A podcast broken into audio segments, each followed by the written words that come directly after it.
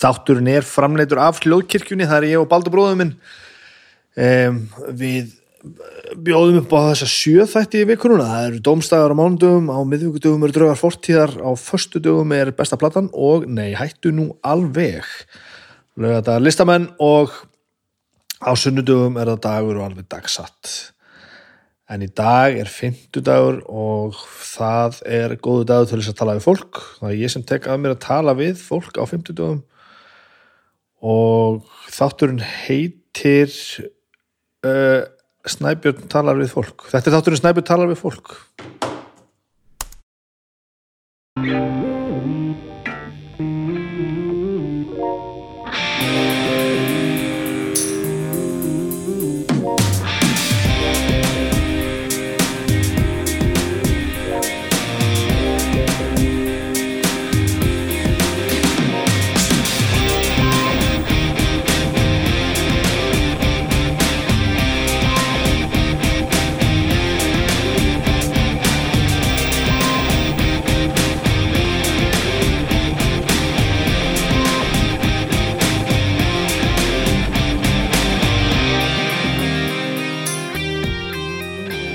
Er við það, sjö þættir í viku er ekki átta, Óli og kokkaflakkið eitthvað að taka sér pásu. Kokkaflakkið erum komið í pásu. Ég legg til að þið farið nú að þið hafið ekki gert það nú þegar hlustið á þetta dót sko, hvað betur að ég flettið þessu upp hérna? 30 og eitthvað þættir, hvað var þetta mikið hérna? Við. Síðasti þátturinn að sóla var Númer eh, 33 Georg Leite heitir hann það, ég er ekki búin að hlusta á þetta. Skrifa Leite hann er, hann er ekki bara Brasilíu? Júp, hann er frá Brasilíu. Gestu kokkaflaks að þessu sinni er ég ætla að segja Georg Leite. Light Light, ekki hugmyndu það. Gokki á kalda, við þekkjum hann þannig. Þannig að kokkaflaki er komið í smá pásu. Þið hérna, þið hlusti bara aftur í tíman og svo hafið þið sjö aðra þetta hlust á, til dæmis þessi þennan hér. Um, ég held ég verði að fara að drulla mér að skoða þetta, þetta eldgóð sko, nú sést þetta svoleiðis út úr gluggan hjá mér hérna að það er ofbóðslegt allt í hennu byrjaði þetta, þetta system tók allt í hennu upp á því að saminast allt í einn gíg og haga sér bara svo einhver góskver nú kemur bara einhver pása og allt liggur í, liggur í dvala einhverja mínútur og svo springur allt upp í lofti einhverja og lýsingunar eru hérna bara einhver, hund, einhver, einhver nokkur hundru metrar upp í lofti og eitthvað, ég veit ekkert hversu hátt þetta fer, ég hef ekki verið að það, ég veit það hins vegar ég sé þessa, þessar eldspýjur kasta sér til heimins bara hérna úr stofuglíkunum hjá mér. Og þegar það byrjar að rökkva á talningum þegar það er dimt þá er þetta bara algjörlega sturglað sko. Þetta er bara svo að vera í Lord of the Rings í alfunni, bara standa hérna Mér líður eins og ég sé Frodo þegar ég stend hérna í stofunni heima hjá mér. Ekki alveg. Ég var svo að horfa á eitt sko. Hérna náttúrulega útsinnið hérna er gott eins og framöfu komið. Ég, það, mér vantar sjónuka sko. Ég ætla ekki að eða einhverjum stórkostlegu peningum í þetta en að því ég er með þrýfót hérna sem ég nota þegar ég tek myndir af fólkinu. Ef við skoðum myndirna af mér og fólkinu með hérna bókaskapin í bakgrunni. Þar sviðs vinstri er stofuglugin sem ég horfi e, á gósið út um. Og ég er með þrýfót og mér vantar sjónöka sem er gott að festa á þennan þrýfót sem ég get þá verið hérna með og hort með fjölskyldunum minni á, á gósið að hans stækkari mynd. Þá getur ég kannski frestaði aðeins lengur að fara á gósið þannig að það eru mjög gott tips um, um hérna Já, bara ódýra sjónuka sem að festast ofan á venjulega myndavæla þrýfót þá, þá tek ég öllum ég tek öllum tipsum hvað, hvað það var þar endilega bendi mér á slíkt. Um, hvað er þetta annars? Þetta er allt saman gott sko. Ég, hvað gerði ég, hvað gerði ég? Brjálækir í vinnunni, ægilega gaman. Allt gengur ógeðslega vel einhvern veginn. Allt að taka við sér og fullt af svona skemmtilegu verkefni í vinnunni. Eða uh, bara þetta sama, spila D&D Agnes er hérna fór í einst, einstaks göngu núna á lögadaginn og sem kallaði það ég, ég, ég, ég þurfti innan allra gæsalappa að vera með börni mín. Og það er mér ennþá átak sko. En það var ekki jafn helviti erfitt og kannski sérlega ekki hann helviti kvíðvanlegt og, og, og ofta aður sko.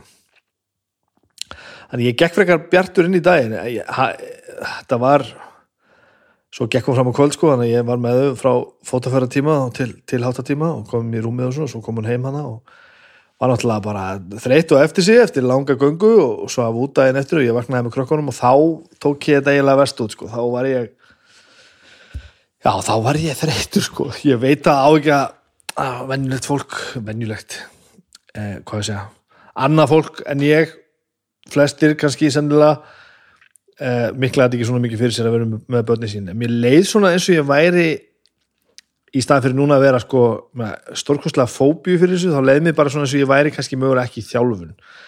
Mér leið svona eins og ég hef tekið gríðala á því daginn áður allan daginn með börnin, á pínu erfitt og ég svona gerði þetta mesturlega til mjög vel komst klakklaust í gegnum þetta þess að finnast þetta stórkostlega erfitt en svo vaknaði ég með ægilega strengi. Þetta var svona svolítið að vakna bara með harsperur eftir að hafa gert einhvern hlut sem að ég er ekki vanur að gera. Þannig að þetta var svona, þetta var pínu áttak en þetta verður auðvöldra með hverju skiptinu og, og, og ég hérna, ég nót allar þessar aðferði sem sem að Magnús Blöndal er að kenna mér í sjálfsvæði meðferðinni. Þannig að þetta er gott. Þetta er allt saman gott Eh, samstarfsaði lamál, síminpei krakkar, ég nota þetta app okkur um einasta degi og það bætist í þetta app mjög reglulega, þetta er hérna síminpei appið, sækið þetta. Síðasta meistarlega viðbútin er hérna það búið að bæta við hérna veitingahúsa fítus, það sem við bara getum pantað svolítið bara svona einum stað að þetta panta veitingastöðum og fara og sækja take-away. Eh, og þessi veitingastæða er bara að eh, er bara mjög sínilega í appinu þið sjáu þetta um leiðið opnið það. Og e, hér er hægt að panta það gladdi mér nefnilega mjög mikið. Þetta er eins og er ekki e, þó vissulega sé Simin Peja að stiga við mig hérna. Það eru þrýr staðir hér sem ég vil taka sérstaklega fram hérna í appinu sem hættir að panta mathaf sem ég, ég er hérna e, ég, stund, ég stunda mikið. Það er Reykjavík, Duck and Rose og Public House Um, hér, hér í þessu app er þetta panta frá öllum þessum stöðum og fleiri stöðum flatei og smass og ég ekki hvað, hvað. Þetta er mestarlegt og fjölskylda mín er aðframkomin eftir, eftir þess að helgi geti trúið þannig ég er að hugsa um að gera nákvæmlega það í kvöld að panta mat og sækjan og gefa fólkinu að borða. Og lenda þessum degi alveg snildalega fyrir vikið léttkaups tilbóð uh, þessara viku sem taka, taka gildi í dag, 50 dag þegar þið eru að hlusta. Uh, það eru það er kaffitenging. Við drekkum kaffi í þessum þætti.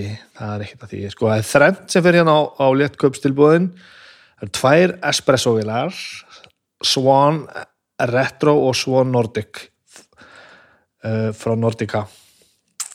Þess að búið Nordica sem selur þetta þá náttúrulega Uh, þetta eru vélar sem kosta einhverstar undir 30.000 eins og það koma. Og þið geti farið inn á uh, Simin Pay appið. Og keftir þetta þar í gegn gegnum um, lettgræslu tilbóðin, lettkaupstilbóðið og þar fáið 20% afslátt af þessum vélum, þetta er ekki, þetta er ekki ósipað vila, ég ástæði fyrir tafsa svona, ég er að skoða þetta hérna. Þetta eru svona litlar espresso vila sem svona, hérna, hefur bara svona back og, og með svona skeið sem þú svona þjappar í og gerir einn og einn bótlæginu þetta er basically það sem mig langar í núna sko. Búið með allt þetta hérna. Búið með sko pressukönnukafið og, og hérna. Og mokkakönnuna nú vantar mig sko ég veit ekki hvort kemur undan, bara vennlur upp á allir eða þessi hérna, mér vantar eiginlega það er svo oft orðið sem mér, vant, mér langar í einn botla af kaffi, þetta er það sko. Og Svan Retro kostar sko 28.600 28.600 Svan Nordic kostar 28.900 þetta er fyrir tilbúð sko, þið getur farið og kæft þetta með 20% afslætti og setja þetta á lett, lett, lett greiðslur og ég veit ekki hvað og hvað. Þannig að þetta er um, eitthvað sem ég er að skoða alveg að gera. Og til viðbótar frá Nordica líka. Eh, SQ Megaprocess matfæsluverð sem kostar fullu verði 20 skall, þið fáið 20% afslátt því líka í gegnum Simin Pay appið. Og ég ætla bara að segja einu sinni viðbót. Æ, þetta sennilega getur verið app sem ég nota bara mest í símanum mínum fyrir utan Spotify og kannski Facebook. Það ég legg bílnum mínum viðstöðulust með þessu appi þarna Síminn Pay, glæsilegt og takk fyrir það. Og þessi kaffivél er að naga mig að innan, mér langar svo Eh, Þar með eh, nú samstarfsklausunni sam, samstarfsaðila eh, segmentinu í þettinum lokið. Eh, takk ég kannski eftir því að eh, við ætlum að tala um þetta þó þetta sé ekki, ekki samstarf. Eh, vil fá að þakka Reykjavík Róstis kærlega fyrir eh, undanfannan mánuði. Þetta er ekki, þetta er ekki ég, ég fæ ekki borga fyrir að tala um þau hérna núna. Ég, um, þau tóku sér pásu og ætla ekki að vera með okkur núna næstu mánuði að- í það minnsta og svo sjáum við til með framhaldið eins og gengur að gera sér öllum góðum business. En bursið frá því þá langar mig bara frá einstu hjartarótum og þakka, þakka þeim kærlega fyrir að tekið þátt í þessu með mér síðustu mánuði. Þau eru svona fyrsta fyrirtæki sem kom algjörlega út úr myrkrinu og tók svona stóra slægin að vera með okkur hérna í þessu hljókirkstöfi og þau eh, léttuðu okkur róðurinn óbúslega mikið, fengu sem betur fyrir óbúslega mikið tilbaka, þið eru búin að kaupa mikið af kaffi af, af, af Reykjavík Róstes og allir glaðir eftir þetta stór skemmtilega samstarf. Uh, svona er viljum við gera þetta svona, viljum við byggja þetta upp og þetta setti tóni fyrir það sem við erum að gera og og og ég vildi bara fá að þakka kærlega fyrir á þess að fá borga fyrir það.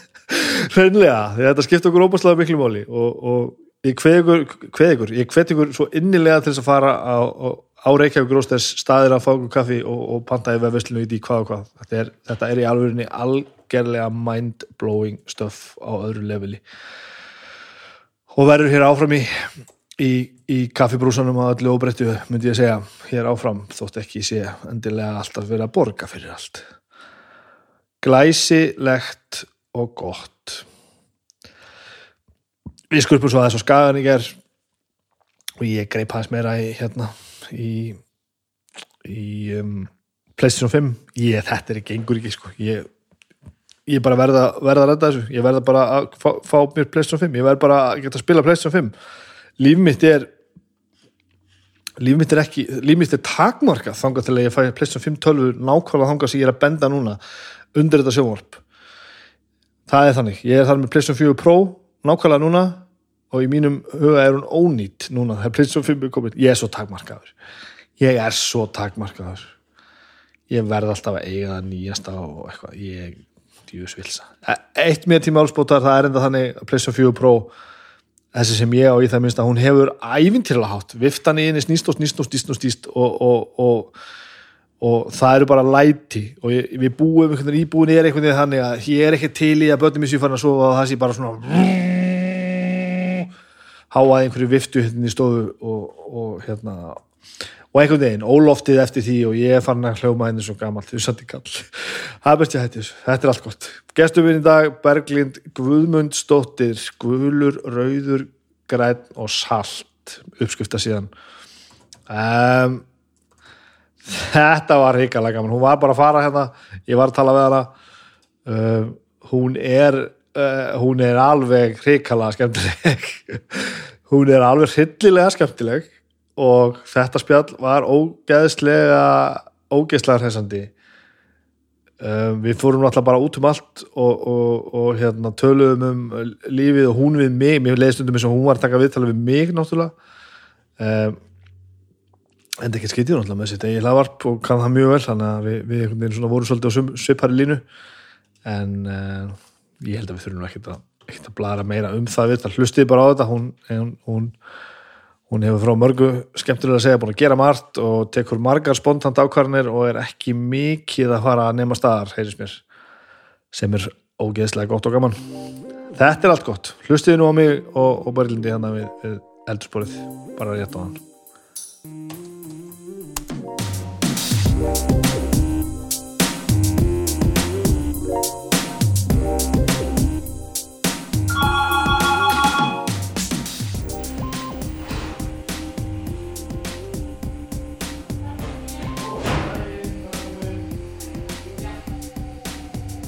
en svo að segja að þessi fara bara Já, já, þetta er bara að- En ég vil fara upp í góðu veðri, ég nenni ekki eitthvað harki. Nei. Það verður frjósa. Það er svo ógeðslega fyndið að þú veist, þetta er eitthvað klukkutími einn og hálfur eða eitthvað, farið þetta svo bara eins nálægt þeirri og þórir bara, eru bróðum minn dölur, eitthvað að tíska og hérna, ég er bara, ég er bara að kveikja sko, við erum bara, nú er við til að byrjað Já, ok, í álfurni. já, veist, hann, hann klippur þetta eitthvað til á, Já, já.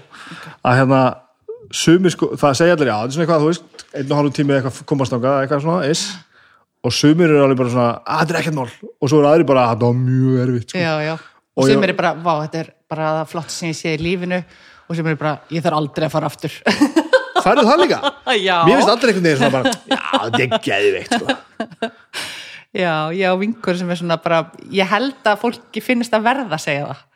Já, já, það er alveg, ég, ég, veist. það, það getur verið rétt, sko. Hefur, það er náttúrulega alls konar, þetta er búið að vera alls konar og kannski ekki allir sem hafa fengið the best of the best. Nei, nei, nei, nei, nei. Það þeir er náttúrulega rétt, já. búin að leggja ótrúlega mikið á sig að þá hvernig bara, jú, Að það var geðveikt. Já, það líka bara vill ekki vera þessi svona. Já, þetta er alltaf leið. Þetta er fucking eldgóð, þú getur ekki sagt þetta. Herru, þetta er kaffi. Já, takk. Þetta er mjög stert kaffi. Vilt... Fæ ég ekki pönnukökur? Ég var að heyra eitthvað svona pönnuköku hérna, umræði hjá þér. Nei, sko, ef, þú býður upp á viðtal og fólk er að smjatta í mikrofónin, þá farið hatuspóst í marga mánuði, sko. Ok, Og bara fólk er með headphone í strætó og bara svona, það hljómu mjög vel pönnukökuna þína. þakkaði fyrir, sko. Ég, Láttu það bara duga.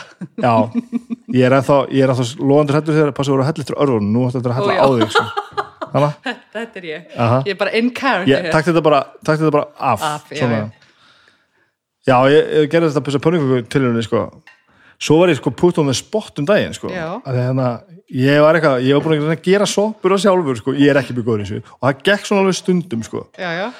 Eitthvað, blanda þetta hægt og blanda þetta svona og eitthvað. Agnes er náttúrulega, þú veist, góð í öllu svona, alveg geðvitt góð, sko. Ok. Þannig að Hún er alltaf svona horfur aukslega um eitthvað svona aðeins aðstofa mig, sko. og svo hérna bara einhvern tíma, fór þetta, fór, þetta fór bara í klessu og hún þetta gerði bara í, þetta átti að fara í bollan, ekki glæsið. Og hérna uh, og hún einhvern veginn þurfti bara að gera þetta, þú veist, aftur og eitthvað svona. Og svo bara stekti ég pönnukukur og montaði með að ég gert pönnukukur svo bara hefur máurinn að samband og er bara að vera, vera þrítur og bara að fara að bjóða nýju tengdafjölskyldun eitthvað í heimsóknu eitthvað. Til að koma að gera pönnukukur ég ætla bara svona, jú, jú, ekkert mál. Þessi allt gauð, þessi gauð alltaf. Svo fattar alltaf að Agnes komst ekkert sko. Þannig að ég var bara, Já. mætti bara og það var bara allt liðið að koma og ég einhvern veginn, þú veist. Og líka ég, einhvern veginn við þessi sem ég er, standandi í eldhúsinu þegar allir voru að koma inn og horfðu beintam og ég bara holy fuck, það er sko ég klúður þess ekki. Þannig ég einhvern veginn bara og byrjaði og, og vandaði mig geðveikt og hugsaði ógeðslega mikið um hvað ég var að gera og eitthvað svona og, svo, og það eru svo frábæra sko Já. og ég náði að spila það svo fullkona kúla ég hef verið algjörlega með þetta undir kontróli það var hauga lígi sko Þannig að þú vinnur vel undir pressu. ég vinn best undir pressu Já, það, greinilega. það er starrið sko En varst ekki að fylgja neitt uppskrift? ég googlaði eitthvað pínu sko og Já. svo var Agnes búin að hérna Agnes búin að sko Komið nokkra leiðbynni? já, ég var náttúrulega búin að senda alveg SOS á hana sko þannig að hún var, að, hún var alveg að svo ekki gera þetta, ekki gera þetta sko. Bara, að því getur svo mikil göstlari veist, bara svo, ok, ok, myndu það ekki það Ok, ok. en það var geðveikt sko. En talaðu um það, þá komst ég mynd að þessu veist, ég, þarna mitt googlaði eitthvað svona. Og þá, veist, googlaði ég og fekk eitthvað svona pínu svona do's and don't sko. -hmm. og svo þegar ég var að, að hérna, skoða hlutina fyrir þetta viðtal þá, maður dettur ótrú oftin á síðuna þegar maður er bara svona einhvern veginn ég, og að því ég vinn á auglýsingastofu þá fyrir ég líka svona að skoða sko hvað þyrfti mikið til þess að detta inn. Og það er eiginlega nóg bara að nefna eitthvað saman um mat þá bara, þá húrra bara inn sko. Nákvæmlega. Ég er alltaf búin að vera svo lengi að þessu. Já, og búin að vera bara svona, já, búin að hafa gaman að þessu lengi. Og er alltaf bara koma, þú veist, frá hann 2012, þrísvar í viku, fjóri sem viku, kannski alltaf. já, þetta er svona oft. Ég var það oft, svo núna kannski er ég fann að gera svo margt annað, þannig að það er kannski, það er alltaf tvisvar í viku, tvisvar til Vá. Mhm. Og hvað þá annað? Með Ég- þessu mennur það? Ég er bara að gera allt svona, að þegar þú veist, ég, mér finnst svo gaman að vera ekki bara eitthvað eitt. Þú kannski tengi við það. Að vera ekki bara, þú veist, ég maður get, sem get vinnur. ekki verið eitt, sko. Nei, ég vil ekki bara vera Berglind tjókulur auðvitað salt. Ég er bara gaman af fólki, eins og þú kannski. Við erum kannski bara alveg eins. Þannig að uh, gaman af fólki, þú veist, ég er læri hjúkunarfræðingur og vann á hérna, bugl í mörg ár. Og, og þar var maður í svona, hérna, svona alls konar fjölskyldu viðtölum og svo les já, og mér finnst það svo skemmtilegt líka. Þannig að mér finnst svo gaman að blanda því matur er henni, kannski ástæðin fyrir mér finnst svona gaman að mat ég elska að borða mat líka, er að hann tengir henni fólk saman. Mhm, þannig að það elska allir mat.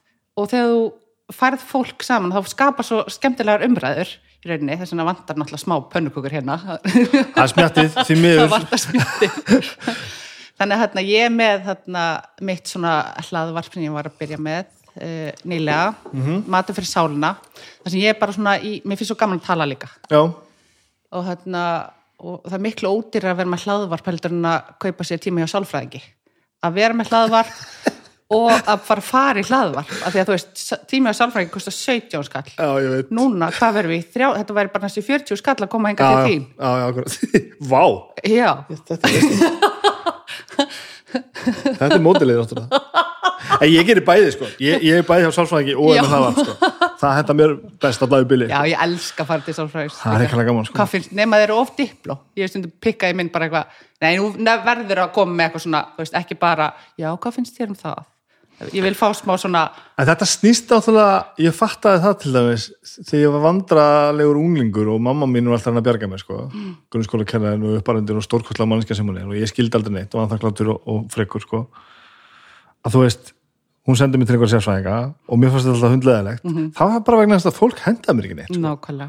en svo sálfræðingur sem ég er að fara til núna sem veit hvernig ég er og ég veit hvernig hann er og við höfum báðu gaman að þessu og hann er, þú veist hann bara raskelli mig stundum sko, og segir bara einhver það. svona hluti að ég bara, ok, shit og, veist, og þá, þá er gaman sko. viltu láta raskillega mm, ég allavega hjá sálfræðingi, greinilega já, greinilega sko. nei, almennt vil ég það ég, ég skil alveg hvað átt við ég vil þannig líka, Já. ég vil ekki eitthvað svona dipló, nei, ég vil bara svolítið svona svona kallt mat já, og svo annað að þú veist, þú ferði ekkert maður finnur sér klippara sko. Já. þú finnur þér Nákvæmlega. tannlækni þú veist, Já. Og, og þú finnur alveg þegar það virkar Já. og þetta er alveg eins með Algjörlega. já, ég prófa að fara til sálfræðins og það virkaði ekki veist, það var ekki fyrir mig og bara þessi veggur, ég var mjög ég fattaði þetta ekki fyrir alltaf sent sko. að þetta er svo erfitt samt, eða þú veist, að að stundu þarf svo mikið til að fólk fari til sálfræðings það Mhm. er búið að líða kannski illa langa tíma þannig að það er svo leiðilegt þegar það pröfar og svo gefst það upp að því að Já. þetta henda ekki Já. að þetta er bara kemó, þú veist, það þarf að vera svona chemistry, Mhm. eitthvað sem að bara eitthvað sem bara virkar og smellur og það er ekkit sjálfsagt að, að það virki hjá bara fyrsta sálfræðingnum sem að fer til. Nákvæmlega, nákvæmlega. Þannig að, já, þannig er þetta líka komin inn á það að fólk, fólk tekur þetta líka svolítið eðlilega kannski hátilega sko. Og það tala með fólki, þú veist, er fara að líða svo illa sko. -hmm. en ég var til dæmis að vinna verkefni fyrir vinnuna minna um daginn með strákum sem eru, þú veist, upp, bara konur upp á 20 sko. Og ég man ekki hvernig ég man ekki hvernig en þá voru þeir alveg chillaði bara býtu, Siggi, varst þú ekki þetta er made up name sko, ég er að fela hverjir eru. Já, þú ekki erst þú ekki á sama sálflokku ég? Bara, jú, og, veist, og þá fyrir þeim var þetta að fara til sálfræðins var bara fullkomlega eðlilegt sko. og, og, og þeir, og ég rætti þetta eins við á litu miklu meira á þetta sem eins og eitthvað svona viðhald sko. Bara svo við förum til talnægnis í staðið fyrir við bara ég bara verð að fara að drífa mig til sálfræðins og það er þá yfirleitt þegar þú veist allt er komin úr klósetti sem er ekki sem þarf ekki Nei, nei. Ég elska að fara til sálfræðings. já, Ég bara hef mikla þörf fyrir að tala og greina. Ég er alltaf bara, ok, hvernig lið mér núna, hvernig, já, du, du, du, hvað, hvað, hvað vantar mig, hvað, hvað get ég gert öðru þessi. Mér finnst þessar pælingar svo skemmtilegar. Þannig ég hef alveg farið frá ég var 17-18 ára, farið til, já, byrja og, þarna, og verið bara alltaf svona af og til í þessum greiningum, mhm velta fyrir mig lífinu. En þú ert að vinna, svo varst að vinna bugg. Hvernig þú veist, að því ég hef stundum velt þessi fyrir mér og ég enda alltaf að yfirherra sálfræðingar og sérfræðingar sem ég er hjá. Já, Skemmir það ekkert fyrir að vera að vinna í, við eitthvað sem er svona skilt fæginu? Mér finnst alltaf eins og sálfræðingur fara til, til sálfræðings já, sé svona, að ég veit hvað þú ert að gera. Veist, Nei, ég held ef þú ætlar að ná árangri þá verður að vera svona veist, og við erum öll sama hversu, veist, við erum ekki mentun okkar, þannig að sama hversu við erum góð, við erum í því sem við erum að gera, að þá erum við alltaf kljást við eitthvað. Veist, það eru bara allir að kljást við eitthvað. mhm, Og ef maður ætlar að í það að vera yfir alla hafin með því að, veist, bara nú er ég sálfræðingur, þá þarf ég að vera mitt á hreinu, þá hættir að vera góði sálfræðingur. Já, þannig að þú veist, þú þarf bara, ég meina þú ert sálfræðingur, þú getur verið að bara glíma við alls konar, sambandseruleika ég meina, og svo stundum veit maður hvað, hvað maður á að leiðbina fólki með og það er í rauninni ekkit, ekkit mál kannski, ég veit alveg en, en svo bara fylgja þið eftir sjálfur. En eftir sem ert betri að fylgja því sjálfur, vil ég meina að því betri sálfræðingur ertu eða fag aðili, ég meina ekkit bara sálfræðingur bara eh, því meiri sem þú ert búin að vinna úr þínum málum sem einstaklingur, því svona heilli verðuru í að ráðleika öðrum. vel orðað Ertu orðlaus? Nei, mér hefði þetta, þetta, þetta setti ansi margt í orð sem ég svona einhvern veginn hef ekki náðu utan um áður sko. að því þú veist ég til dæmis þetta í það að því ég hef skrifað handrit af, af leikritum og bíómyndum og svona að þegar ég er að horfa bíómynd þá fyrir ég bara að greina hvernig hún er gerð og ég verð leiðilasti maðurinn á svæðinu sko. Þannig að ég fæ alltaf þessa tilfinningu bara er ég, ef ég væri sálfræðingar fyrir sálfræði hérna viðtal sko, væri ég ekki alltaf svona að reyna þú veist, að krakka það hvað er að gerast sko. Jú, er það kannski bara Auðvitað. skiptið fyrir einhver það er mál að skilja bara, þú, veist, þú ert á svona bara dítilmaður svona að púsla saman hlutunum þú veist, Já. þá heyrir eitthvað og svo heyrir eitthvað í síðasta tíma þá bara, ok, geti þetta verið já, já, þú já. veist, en það, það er bara jákvætt held ég já, það er það potið það er sko. bara svona brjálar áhugi fyrir ég manna pappi, þú veist, hann vann í hérna, kassakerni, eða umbóðmistöðni hann var alltaf að pæli kössum þegar bara kassa var hann alltaf svona að pæli hvernig, þú veist, þetta er sama þú bara hefur áhuga á því sem þú ert að gera Já.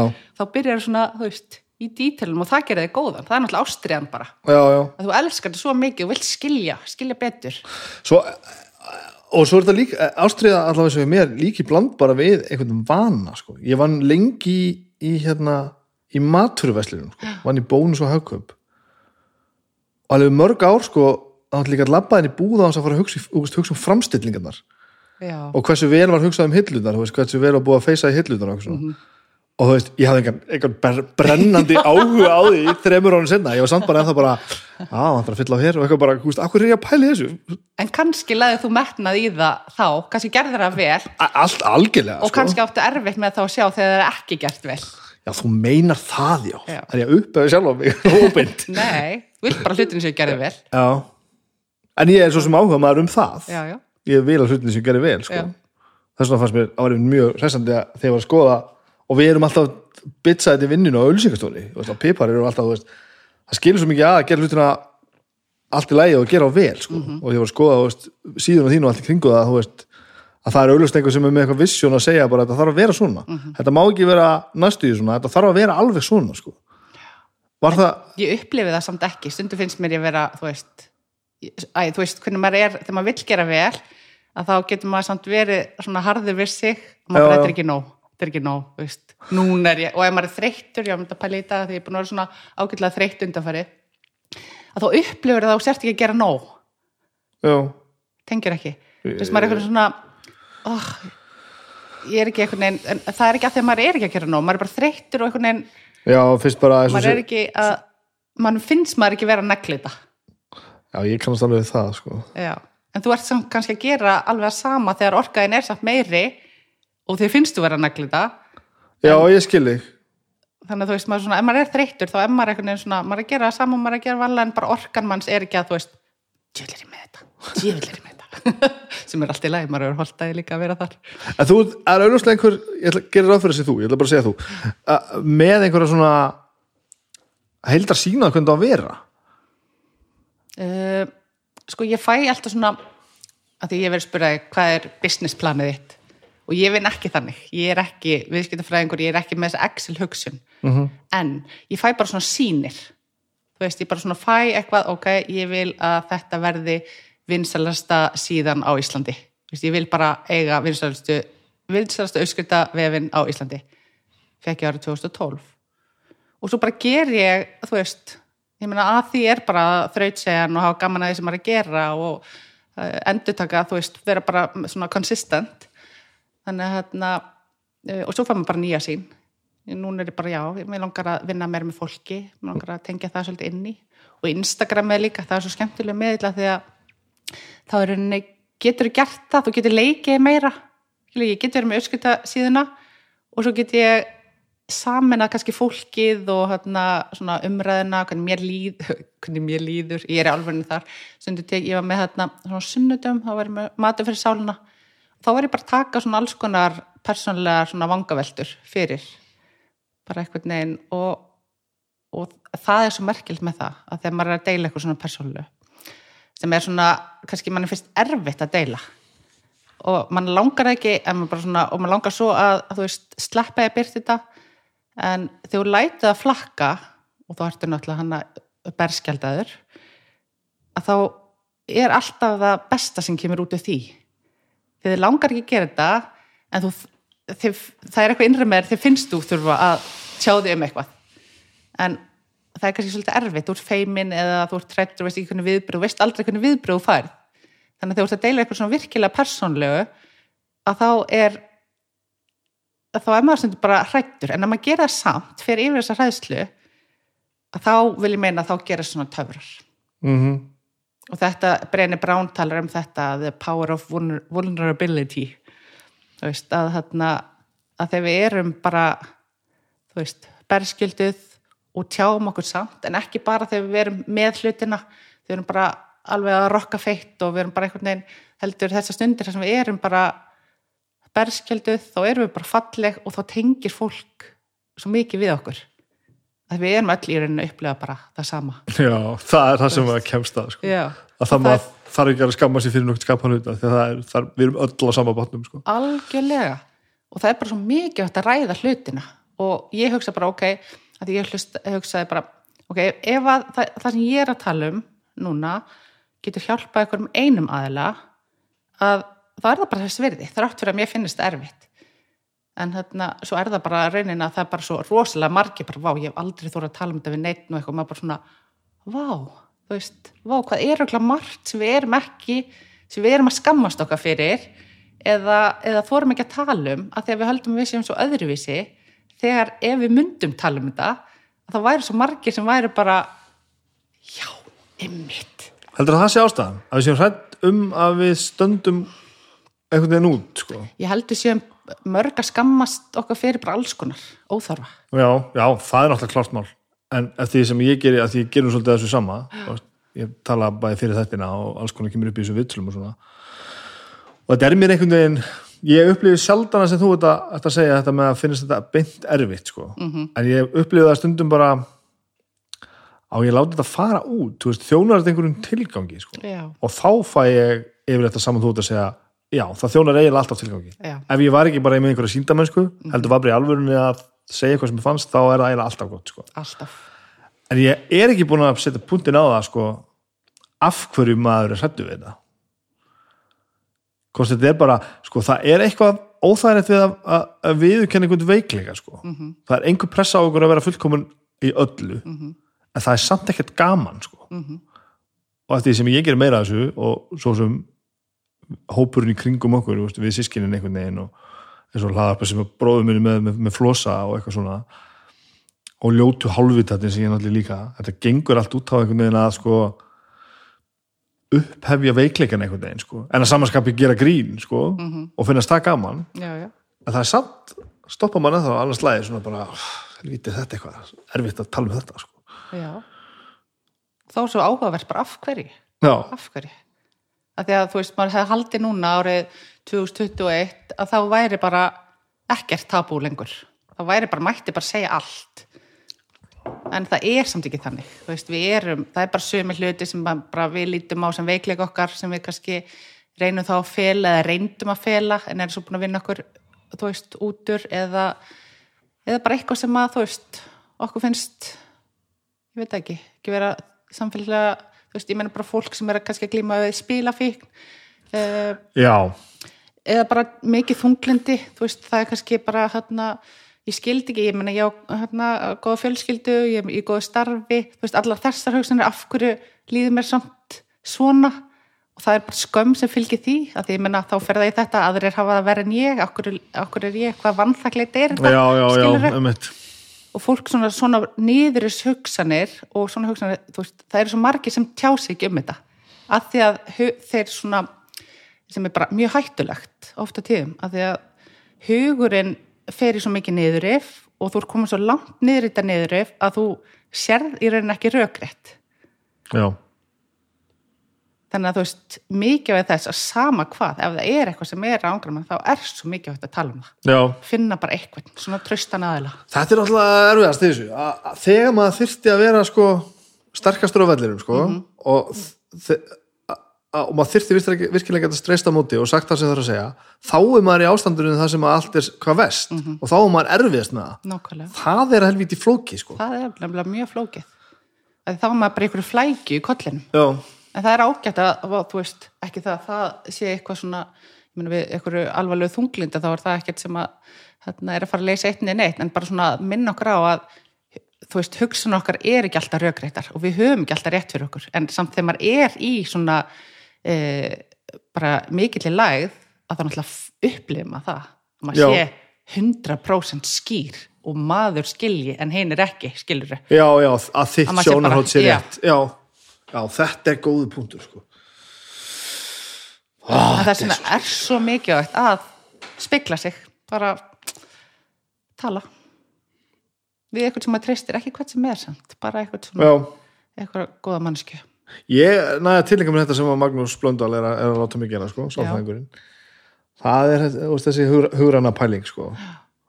og ég held ég að við alltaf gert þetta upp að einhverju, einhverju, einhverju marki að þú veist, þegar að mér líður eins og eitthvað sé einhvern veginn að geta stíið eitt skref til hliðar aðeins frá sjálfum sér og horta á þetta utanfrá bara ekki læg með því, þetta er ekkert svona þó þið líði svona, þetta er fullkomlega einmitt, þannig að þú veist. Vel gert það er ekkert allir sem geta þetta. Nei, en ég meina þetta æfist líka. Já, já, þú veist, ég sagði nú frá þessu hérna, þetta tengist við nákvæmlega hérna, sko. Ég, hérna ég, ég, kvíði er yfirlt það sem ég þarf að díla, við, sko.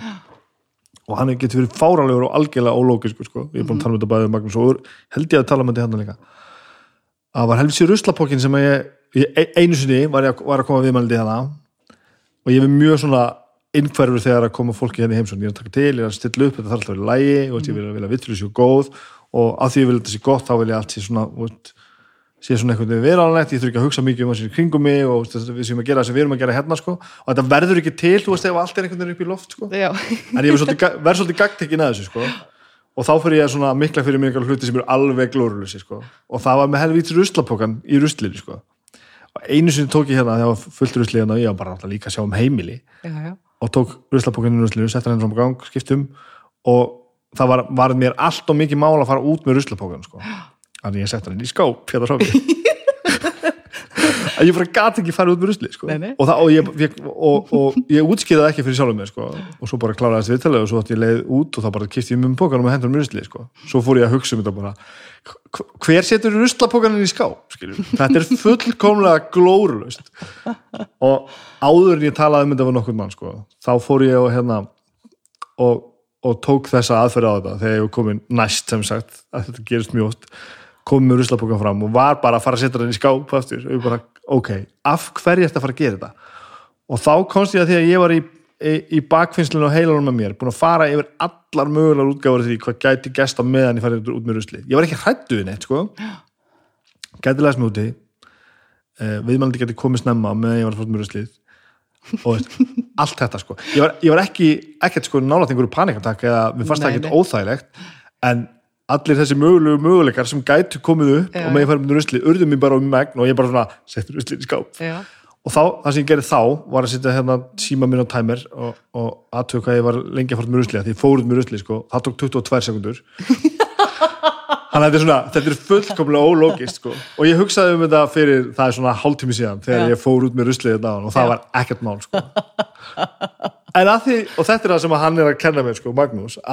ef þú hugsaði í gegnum þetta alveg rökrétt, sko, í staði fyrir að segja bara, djóðs auðming gertu, fara bara út með ruslið. Nákvæmlega, þá allt í núna er ég bara, ég veit þetta er ekkert mál, sko. En vandamálið, eða verkefni núna hjá mér er aðalega það sko að hérna það er svo mörg svona framundan sko.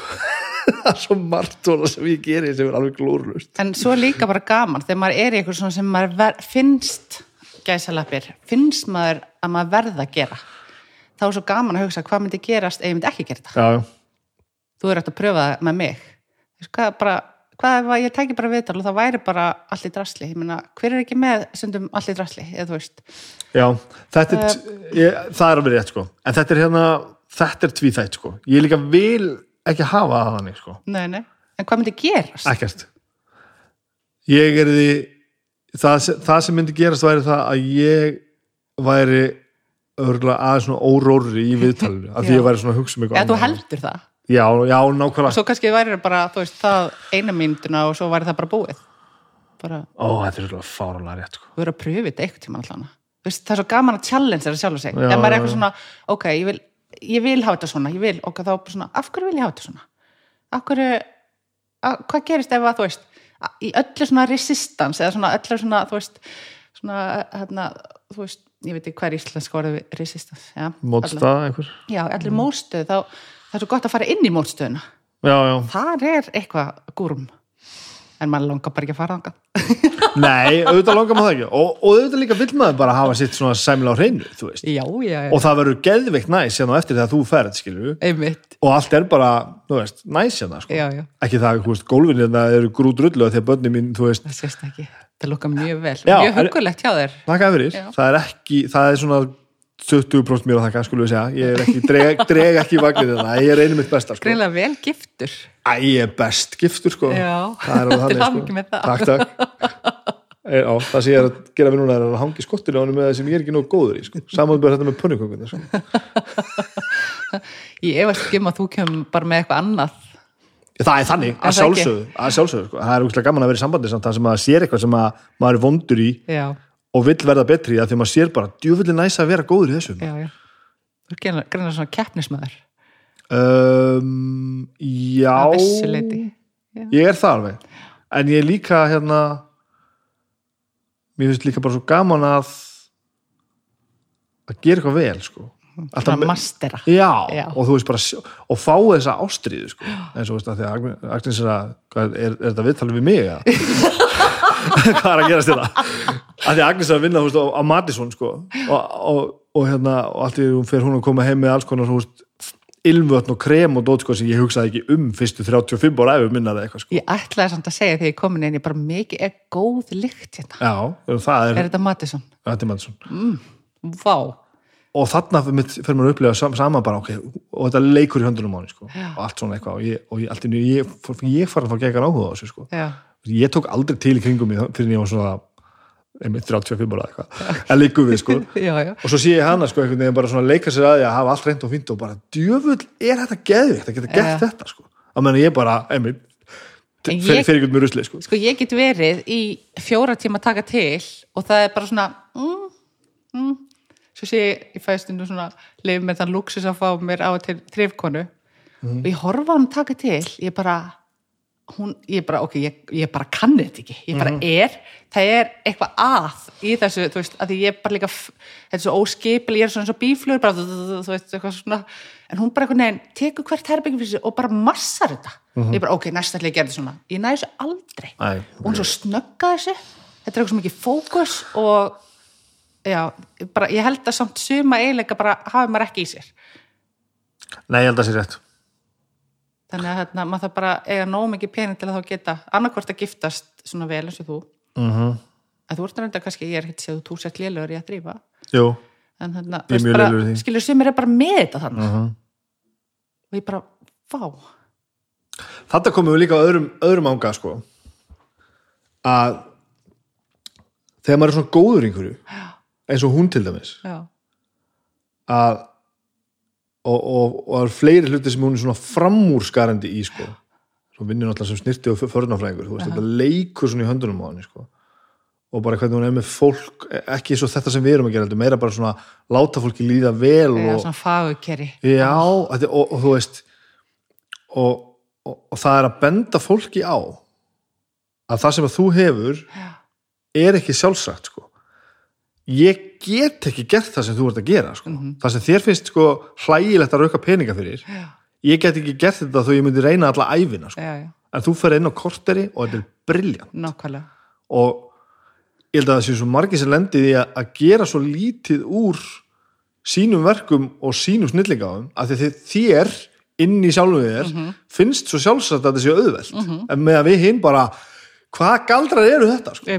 Og yfirleitt það sem mann finnst sjálfum vera auðveldast það er það sem maður gerir best sko. nákvæmlega hvert eru við komin? Þetta er rosalegt viðtal maður þetta er rétt að byrja Við erum rétt að byrja hérna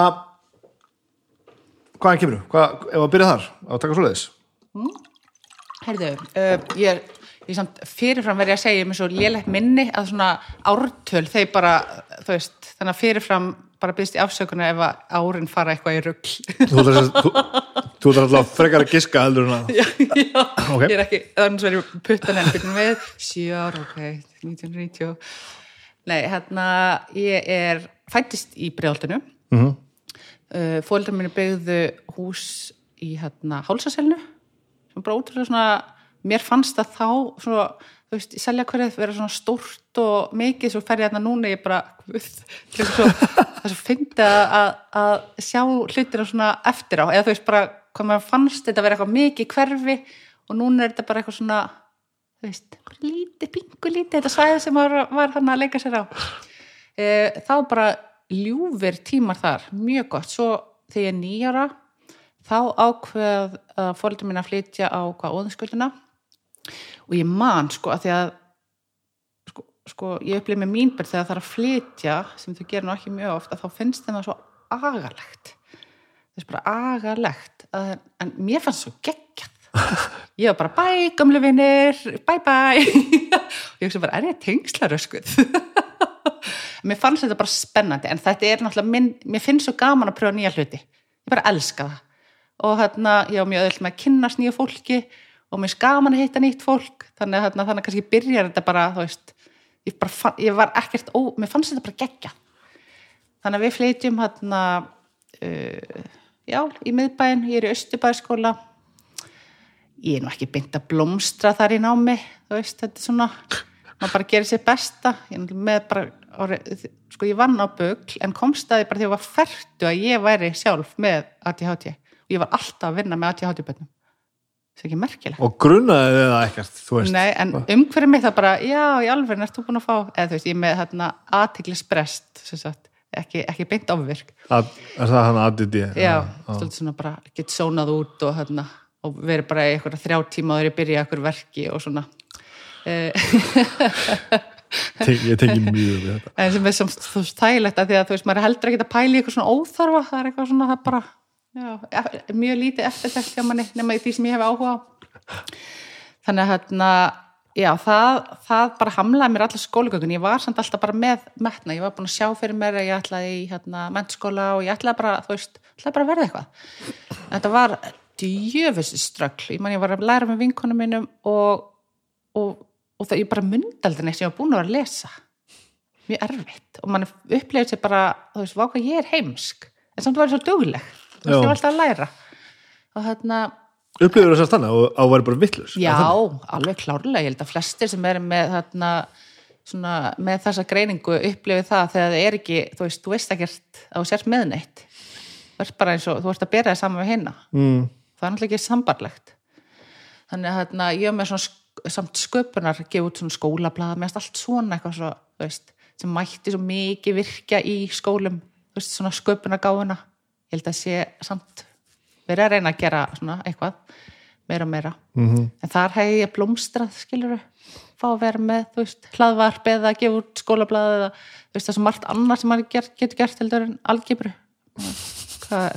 Algebra, já, byttu nú við. Hvena þær ég að nota hana núna?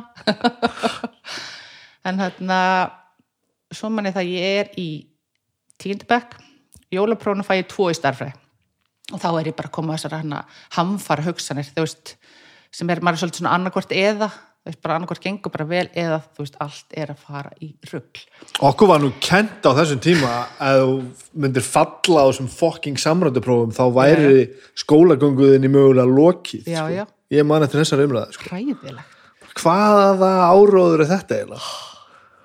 Já, ég, mér dreymdi svo oft eitthvað svona, þú veist, að ég væri að klúður ykkur á þessum tíma og ég sá fyrir mér að ég væri að fara hérna í uh, í yðskólan ég held, var það ekki með eitthvað svona eða hérna, eitthvað skóli sem var með svona, ég þurfti að taka þá tíundabekkin aftur eða eitthvað svona til að já, geta farið, ég man ekki hvað skóli það var. Og þannig ég bara en, en þá kemur svona þrjósk í mér. Þá bara, þú veist, ég bara ætlaði uh, og ég fann aukakennar í starffræði og ég fekk átta 7,58 á, hérna, á starffræði hérna, en að því að hún líka bara skýr, útskýr þetta þú veist, ef maður lendir svona góð þetta er svo, með sálfræðingarna, hún lendir á góðum kennara. Mm, þeir geta gert námi svo geggjað. Já, þú veist, þau verður ekki verið í einhverjum svona tímum bara íslensku tímum eða starffræði eitthvað þar sem maður bara svona, þú finnur bara ástriðuna það, það, það, það skilur að, það getur breytt lífum sko. algjörlega. Þannig að ég fór svo í Vestló og og svo fórst í Vestló. Svo fór ég í Vestló, já. Já, já. Ég ekkert hvernig ég komst tókað inn. Nei, svona, aðra, aðra sem þú varst að segja var einhvern veginn ekki svo fór ég í Vestló. Nei, nei, ég sagði líka annarkvort eða. Það er alltaf að fara í rugglið eða þá bara allt geggjað. Brilljant Það er frábært. Reyndar held ég að maður þurfti ekki hérna eitthvað 8,9 í meðalengun Nei, en líka bara stefnan að fara, þú veist já, já, að- fara úr tveimur í starfsfræði yfir það bara að ég ætla bara að fara í fucking Vestló Það er bara aðeinslegt já. Og, hérna, og það bara einhvern veginn gekk. Og svo reynda fer ég eitthvað svona uh, p-bekk sem er tossabekkur í Vestló alltaf þar ég nú að detti í þá.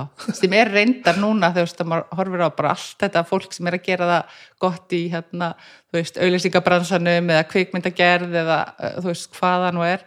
Að þeir voru með mér í bekk. Já, já, þannig að hérna, p-bekkurinn rock on. Uh, þannig að til þess að ná stúdisprófi þá þurfti ég að fara í kvöldskóla og þá aftur bara ég ætla að ná stúdisprófi, ég ætla að vera þú veist, kemur þetta hana svona baróttan mm, uh, og það gekk. Og svo fór ég í sálfræði. Veist, þannig ég var ein í Östubæðskóla sem fór í Vestló svo var ég ein í Vestló sem fór í sálfræði. Og hinn fór í hérna viðskiptafræði. Þetta er áhugavert. Já, ég hérna, já, en ég átti, hafði ekkert með að gera að fara í sálfræði. Af því ég held þetta væri svona eins og þetta bara, þú veist, læra að tala við fólk og eitthvað svona, svo er þetta bara einhverjar rottur ít á petal, svona til, tilrauna. þú Klínisk sálfræði Já, hræðilegt. En ég hérna þraukaði það í tvö ára, því annað ára átti að vera skemmtilega, það var ekki skemmtilega. og svo enda ég með að fara í hjúgrun ekki endilega, það bara kom til mín svolítið svo eins og bloggið bara á síndið er bara, allt er vaknaði ég bara, þú ert að fara í hjúgrun og ég bara skræði mig. Eh, það er svo sem ekki mikinn áhuga náminu en, en ég sé það núna, svo fór ég í hérna, að vinna á bukl og þá skildi ég svona af hverju ég fór í hjúgrun því að það var svona í rauninni þú veist, þá fekk maður að vera smá svona ekki sálfræðingur heldur svona þú varst að vinna með fólki í svona samtölum líka. Þannig að hérna, ég elskaði það. Bara, og bara þessi krakka sem að maður sem eru svo skemmtilegir og flottir og, og þannig er maður bara svona eitthvað neinn, það er allir ég með þú kemur ekki sem fóldri inn á bögl og ert með eitthvað töff, töffarskap þú veist rosalega berskjaldar já, já, og þannig skiptir svo miklu máli að fara svona, fara vel að fólki. Þannig að bara að starffólki sem vinni þarna passi vel upp á fóreldrana það skiptir bara gríðarlega miklu máli. Og ég held ég að gert það mjög vel. Alltaf bara í samstarfi við þarna útrúlega gott fólk. Eru erfiðistu stundirnar í svona störfum ekkert svo óskaplega yfirþyrmandi að maður geti mögulega fælst frá því bara? Þú fattar það ekki fyrir en þú hættir. Þetta verður bara svona norm í rauninni. Ok, en þarna uh, sko það sem mér fannst, mér fannst svo geggja þegar maður sá breytingu. Og mér fannst ég svo oft upplega jákvæða breytingar og bara það að fólk færi út með von skilur já, já, sem maður var kannski búin að missa. Að von um betri tíma þráttur að væri kannski langu vegurinn. Wow. að þarna, það var svo ótrúlega gefandi. Og, þarna, og líka bara svona að þú veist, að því að fóreldrar talandum eins og skömm, ég menna hvað er verra en að upplifa og sért ekki standa sem fóreldri oh, einmitt þannig að þarna, og kannski upplifa það líka að vera að fá það frá samfélaginu og sért ekki að standa sem fóreldri að þarna aðskilur þú veist, þetta er raunin bara mörg börn sem er að glíma við andlega veikindi og sem eru fá eða hafa ekki verið að fá sama skilning og börn sem er að glíma við líkamlega veikindi.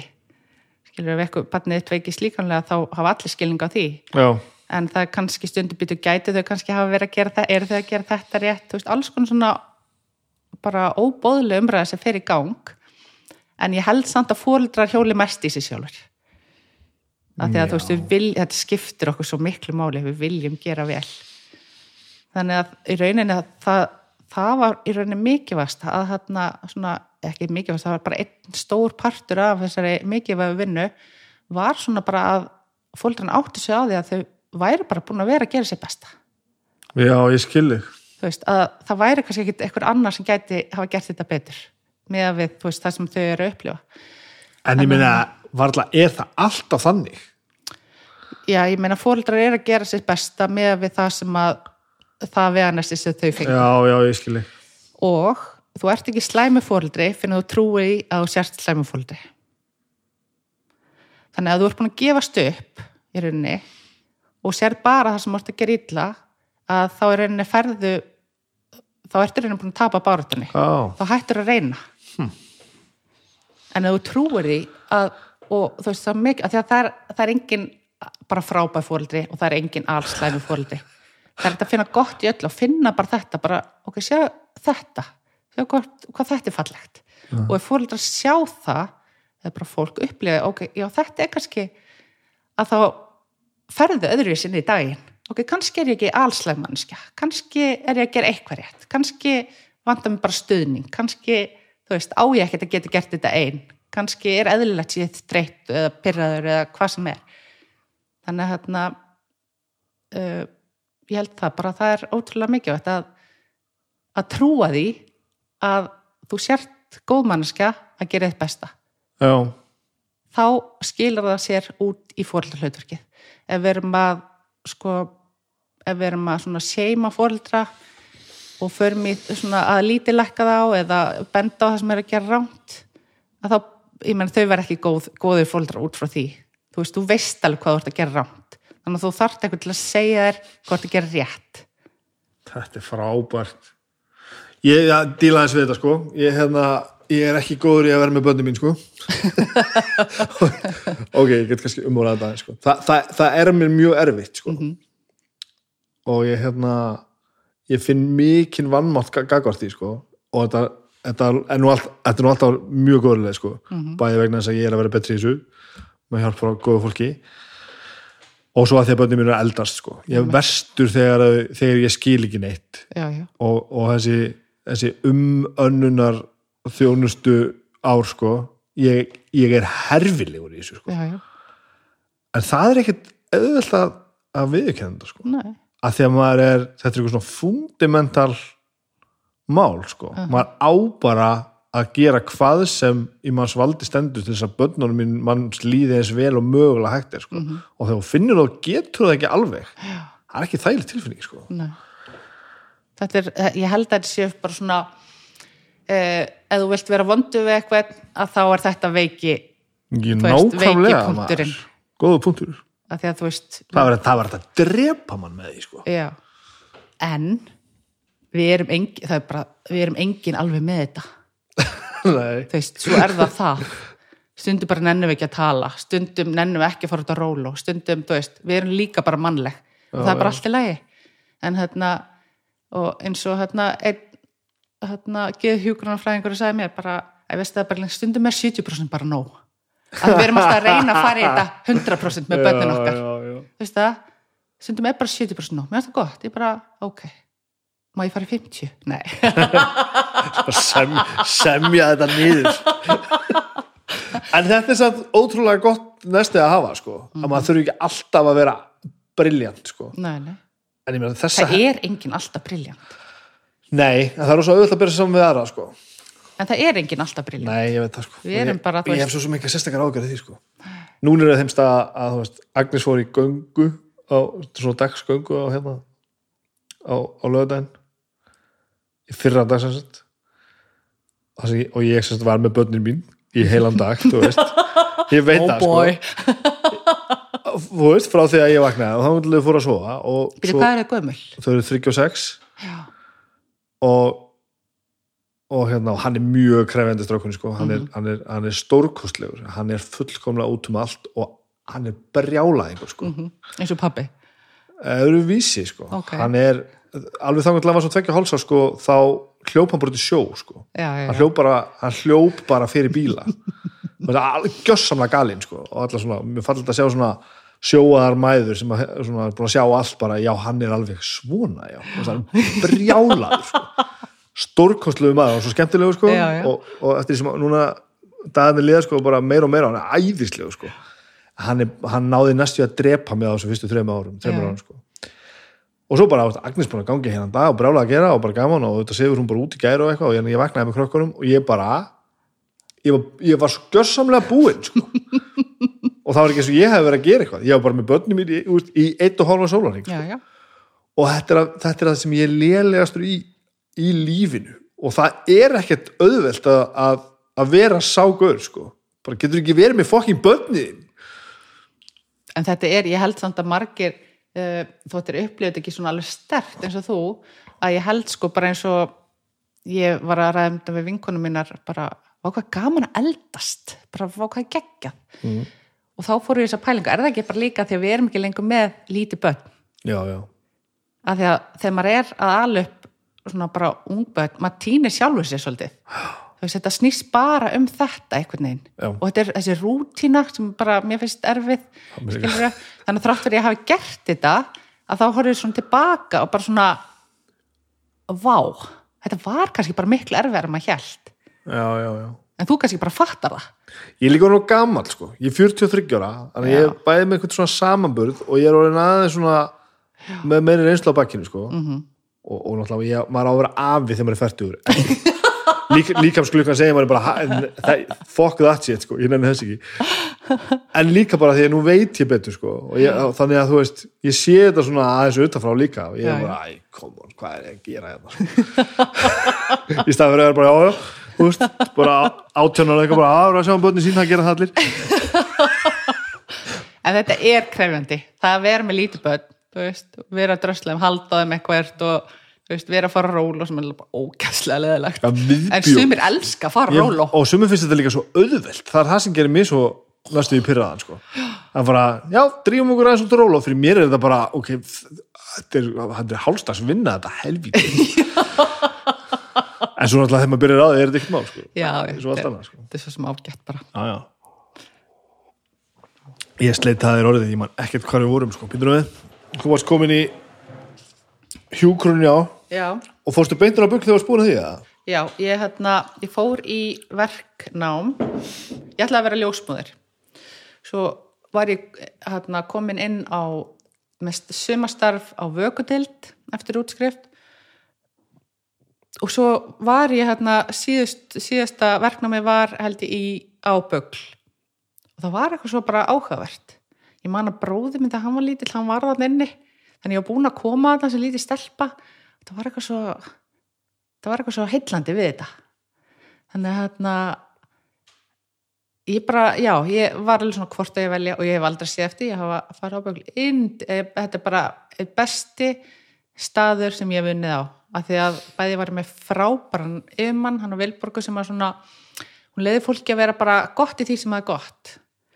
Og hún sagði bara ok, við búum til teimi en við þurfum ekki öll að vera góð í skýslugerð við þurfum ekki öll að vera góð í mannlegu samskiptum. Er nefnilega, það er með fallega við þetta og maður lærið þarna er að teimisvinna er er henni best þannig að allir fá bara að njóta sín. Já, að þegar við erum oft bara að byrja, akkur er þessi ekki að gera þetta sem ég er góð í, skilur við á meðan ég elskaði að fara í hérna, að tala við fóreldur og fjölskyldinar að þá hata ég að gera skýslur þannig að maður var bara einhvern veginn bara, maður bara sótti í þannig fólk sem maður var þá bara að gera hafði áhuga að gera sem maður hafði minni áhuga á, auðvitað þarf maður að gera bæði en svona hún fekk að njóta, eða þú veist þessi alveg fekk að njóta sín og ég fekk að njóta mér í, í mínu og úr var bara ótrúlega gott heima en maður átt að segja á því og sleppir því að vera eitthvað svona að dra, reyna að draga hinn aðilan í eitthvað. Veist bara átt að segja á því að gott heimi mm er fólki í því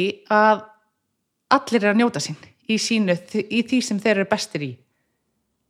En ég held við séum ekki oft þar. Við erum oft bara að reyna að fá alla til að gera sama og við erum að gera Já, þetta er líka þetta mar margur heldur mig sig, sko, Já. það allt saman. Þið, þú áttu komið að þessu og fasturinn í höstum á sjálfur og þér líður eins og allir ljóta að hugsa það saman þú, sko. einmitt, Ég reyndar ekki illa heldur en þessu, af því ég er náttúrulega að vinna á nákvæmlega vinnustæða sem að útheimtir það að fólk hafi misjamt skilsett, sko. Einmitt. Auðlýsingastofa er mjög fyndin því það er bara fólk sem þarf að geta gert þetta fólk sem þarf að geta gert þetta og fólk sem þarf að geta gert þetta.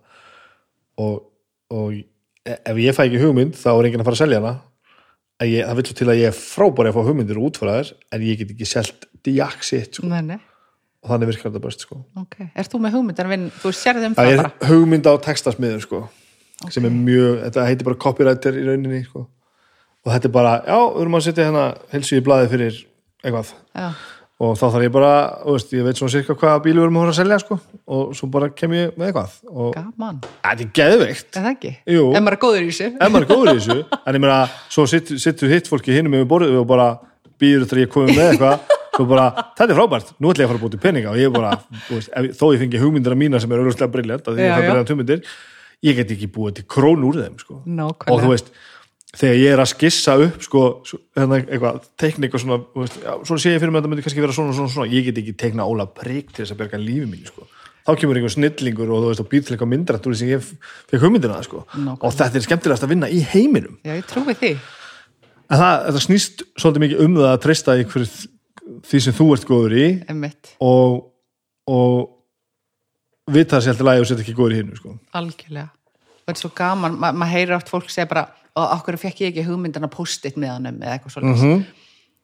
en þú veist, fólk átta sig ekki á því að bak við eina hugmynd ég meina það er ekki fullt af fólki sem var búið að fá hugmynd að post-it með honum en svo þarftu að hannan þú þarft kannski að leggja þína fjármunni í hann og þú þarft kannski að flakka á milli landa og, og vera sína öllum en að post-it með það þú þarft að hafa brjálæslega mikla að trúa því sem þú ert að gera.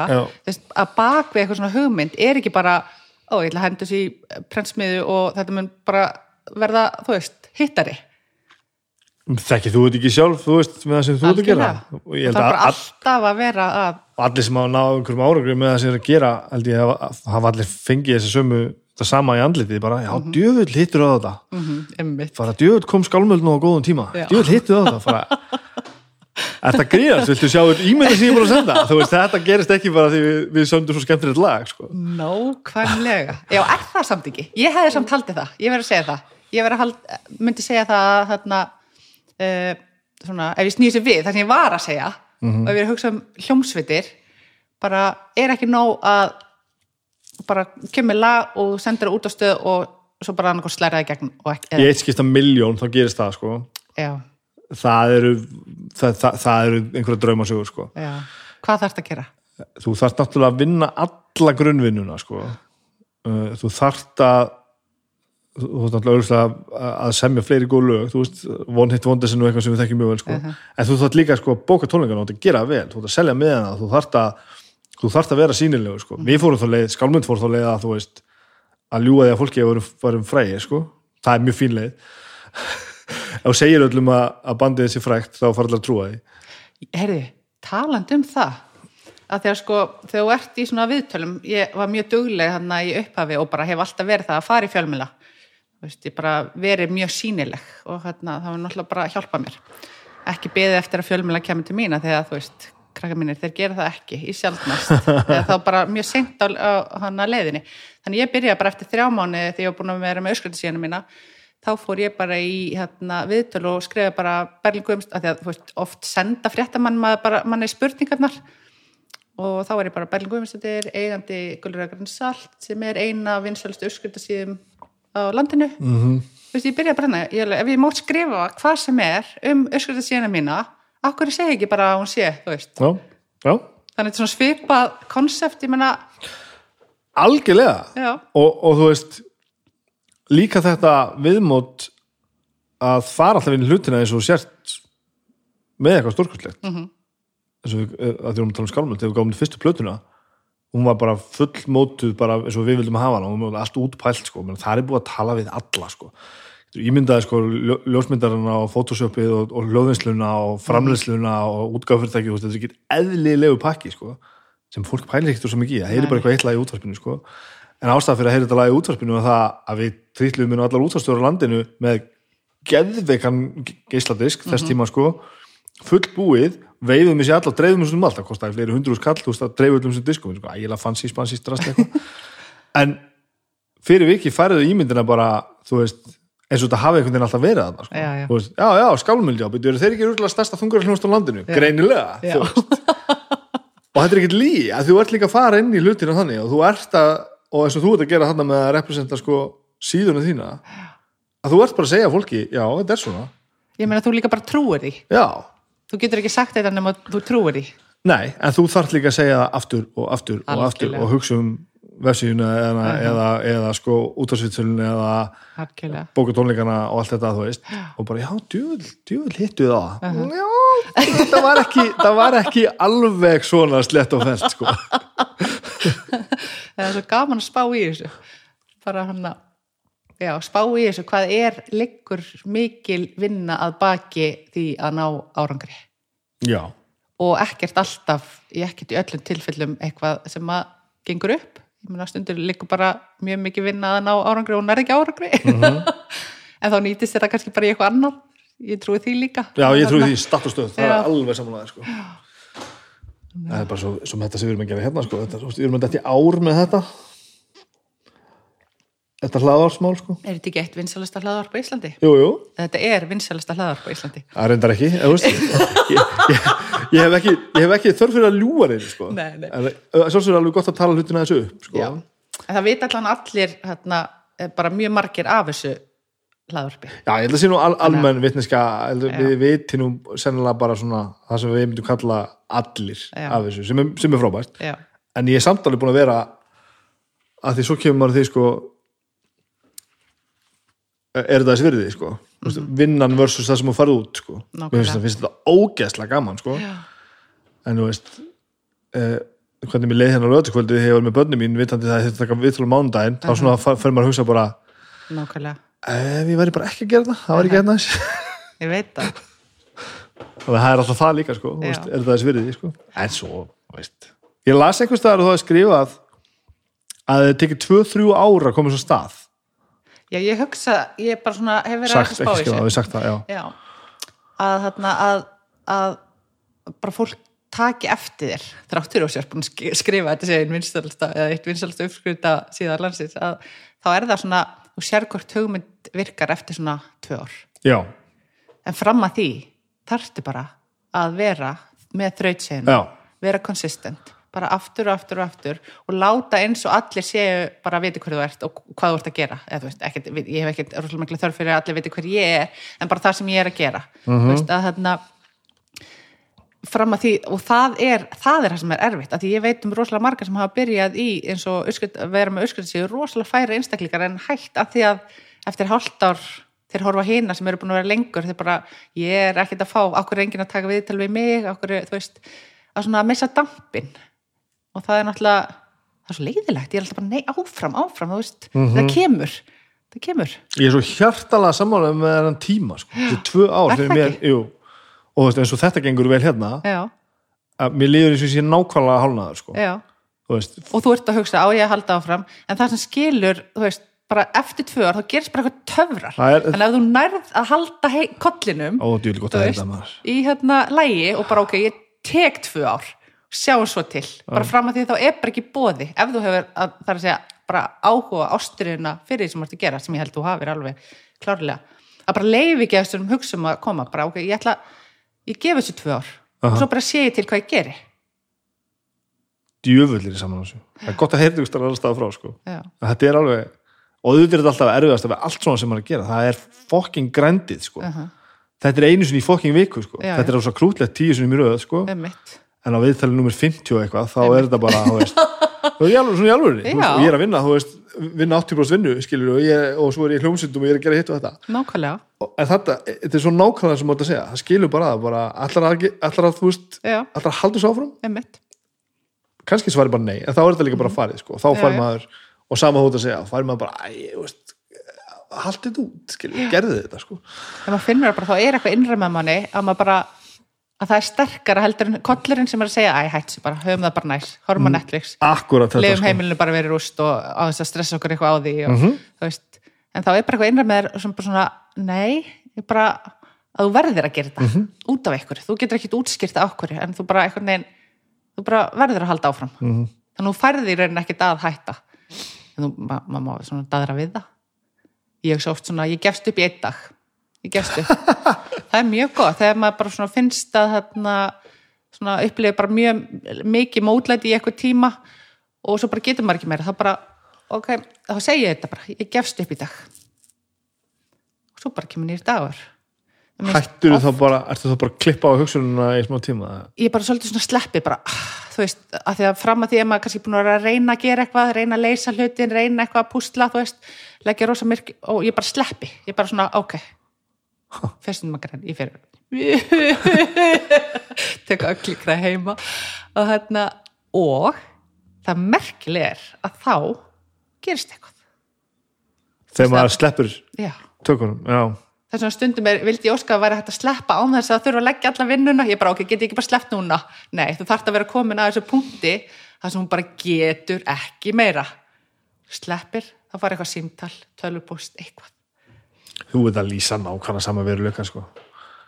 ég held að séu mjög margi sem eru hrættir við að segja þetta uppátt sko. já, það, já. Ég held að fólk sem er kannski samast á við og ætla að láta hlutina ganga einhvern veginn sko, sé svolítið smeykt við að að segja það uppátt að þetta sé ekki alltaf fullkomið sko. mér finnst það svo mikilvægt. Mér langar svo að tala um ferlið.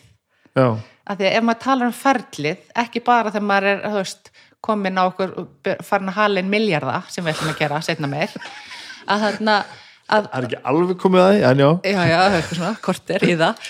Að þarna að það er svo gott fyrir hinn að heyra það að þetta er alveg bara blóð, sviti og tár. Uh og bara reikningar sem fara fram með gjalda og vel það og allt svona, þú veist bara en það er bara samt eitthvað innra með þér og bara verður halda áfram. -huh.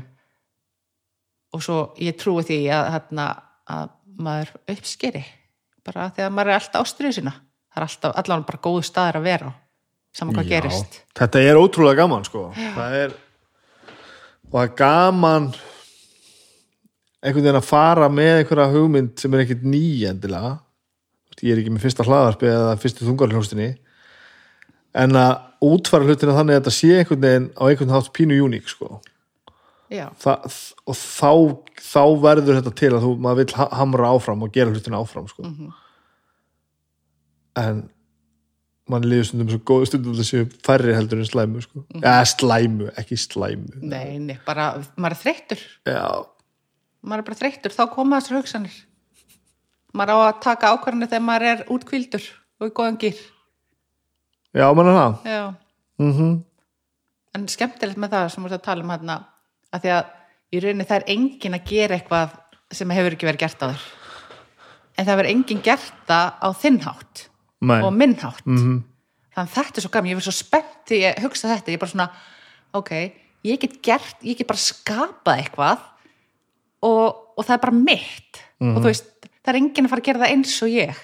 Og ég hef ekki þörf fyrir að gera það eins og einhver annar, þetta er bara svona þetta er bara svolítið svona eins og krakki og getur bara leikið þér, bara gert það svo vilt svona og það er bara algjörlega, já það er svo hann upp á svona kvóti mitt. No one is you and that is your power. Superpower. Að því að hérna, þú veist það að ég sé ég og þú sé þú, það er bara svo einstakt. Þannig að við erum bara svona blómstir í því sem að okkur langar að blómstir í. Þannig að við bara sköpum og ég meina, þú veist, spáði mannfræði heimildina sem þú ert að afla núna veist, þetta Já. bara fyrir sögubækuna já, já, algjörlega sko. Nei, þetta er bara ekki og í þetta er þú að búa til já, sagfræði heimild, spáði því já, ég til dæmis þannig komum við nú einmitt daginu sko. ég fór einhvern veginn að pæla í þessum daginn sko. af hverju er maður að gera það sem maður gerir hvað er það sem að, hvar er dræfið sko? Mhm. og ég, ég, ég get ekki að þá sett beinlinis puttan á það sko. ég ætla að aðtiklisjúkur mjög skaman það fór klappa fyrir mig sko. það, það er alveg eitthvað sko. uh, en ég til dæmis er, ég get ekki verið með þú veist 40 mínúna slúður viðtöl af því að það myndi fá, fá flestu klikkin sko. Ég get ekki stofnað sveitaballaband sem myndi selja þú veist 10.000 plötur ég verð alltaf að fara einhvern veginn aðeins við hliðina því sko. vera með eitthvað svona, svona hlaðvarp eða stofna þú veist aðgengilega þungararhljómsveit það er svo svona eins og ég þurfa að sanna fyrir fólki sko, jú, það er víst hægt að gera þetta svona.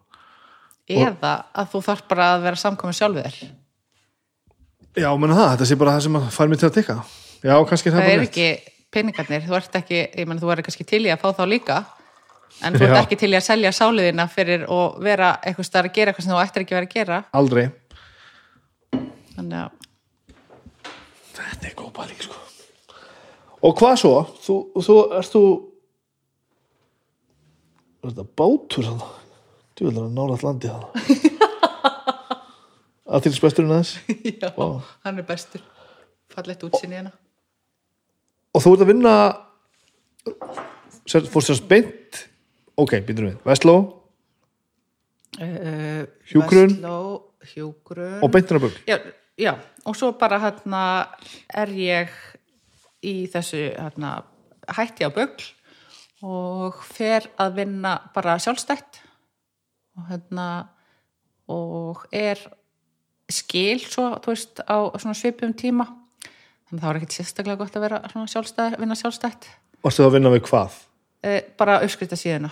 Já, þú ert farin út úr þessu.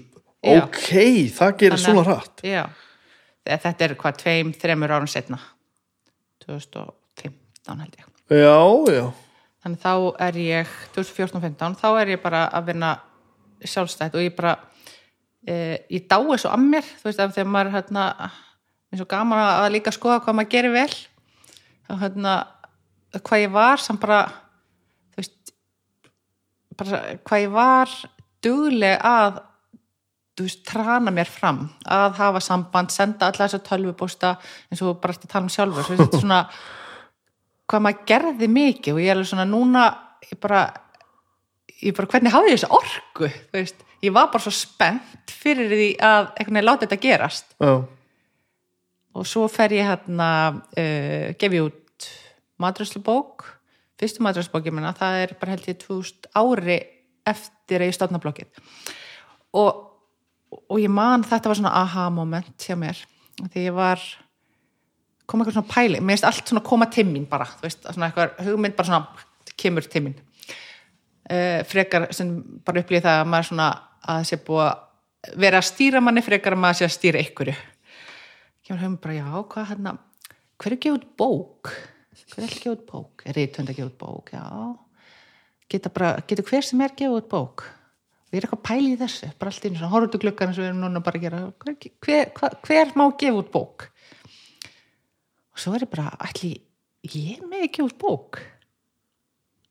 Og þetta var eitthvað svo þú veist, ég bara þetta var bara svona ló, ljósa peru hérna, eitthvað ég bara já, ég held að ég með bara gefa út bók. Og þá var ég hérna, ekki bara gefa út bók? Og sko bara á tveim dögum setna var ég byrjað að gefa út bók. Já. En vissur þá hvað varst að fara að gera? Uh, nei, ég veit það aldrei. uh,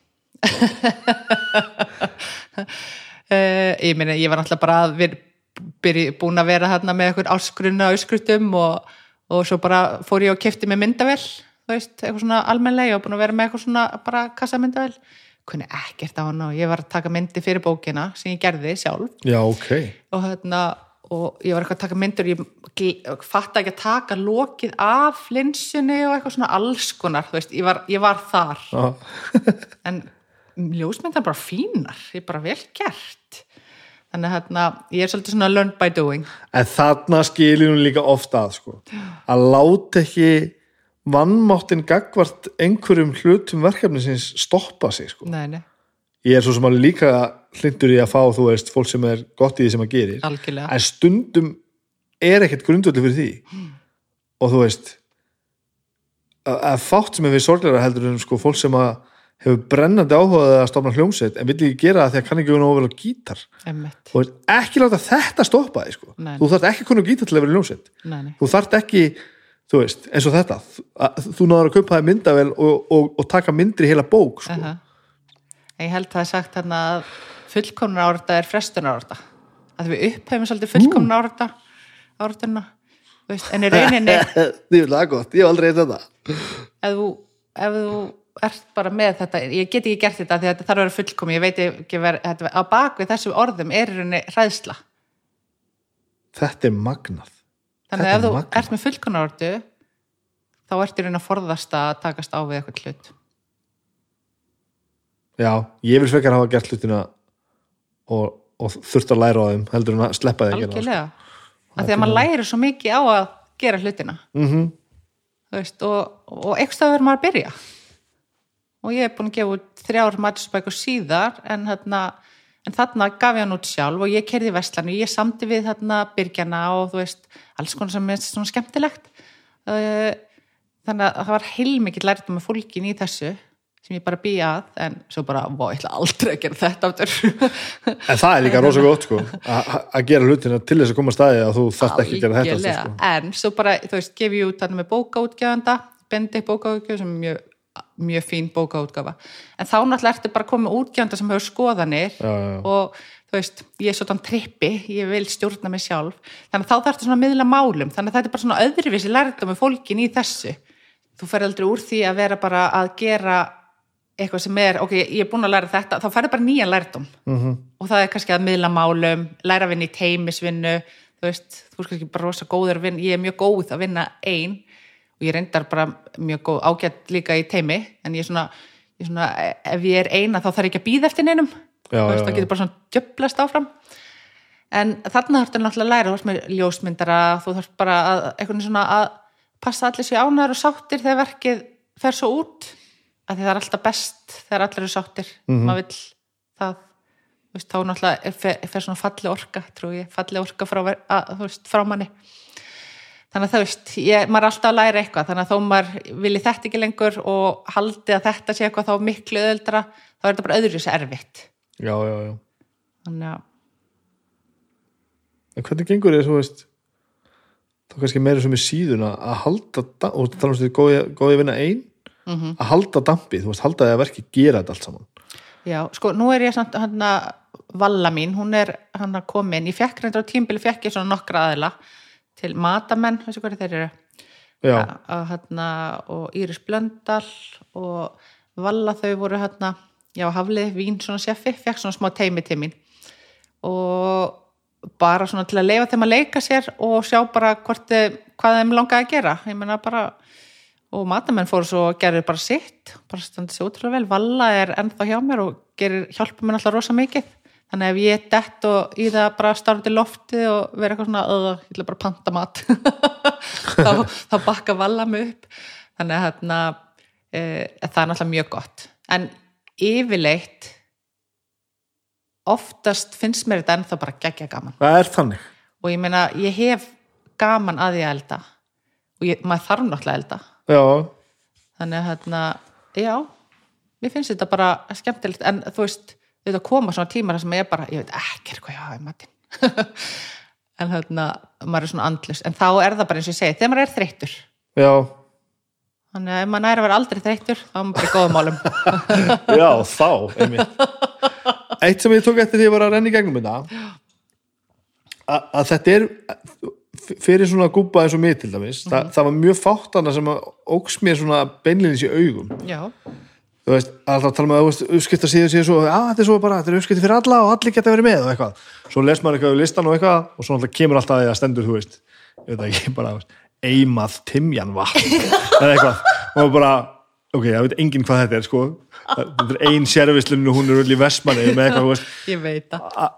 Og þetta er ofta ekkit ofbóðslegi þröskuldar en fyrir okkur sem eru kannski svona frekar vannmáttu gagvart verkefninu sko, Já, já. þá er þetta bara máttu þetta ekki bara vera eitthvað fucking dós? Nákvæmlega. Og það er stundum bara eitthvað, svona. já, eitthvað svona mitt, sko. að þú veist, það sem er við fyrir ykkur veist, sem að gera þetta alltaf allan daginn bara aðrikt mál. Og ég er bara ó nei, ó nei, ó nei. Já, bara glætan ég sé að fara að gera þetta. Að það er stundum bara eitthvað í dós, skilur og það gleður mér bara svo mikið að það megi líka, sko Er þetta eitthvað sem, á, þú veist, eitthvað sem þú læðir upp með alveg eða, eða, eða gerðist þetta bara eða, Nei, sko, þegar ég er að byrja að þá er ég náttúrulega bara svolítið svona í egoinu þú veist, fyrstu viðtöluna þá er ég svona með bara flókna fiskrétti og þú veist bara þetta sem flóknast og geggjaðast og Já, ég eitthvað held að sé það sé ég er að kosta undan sko. Já, og, hérna, og það er bara svona fyrstu vikuna held ég að svo bara fekk ég ábendinga frá vinkonum mínu bara, þú veist, já, kannski bara hafa þetta svona einfaldara, kannski hafa þetta, þú veist, bara svona einfald, flestir, þú veist, ég elska einfald, svona hinta með aðeins.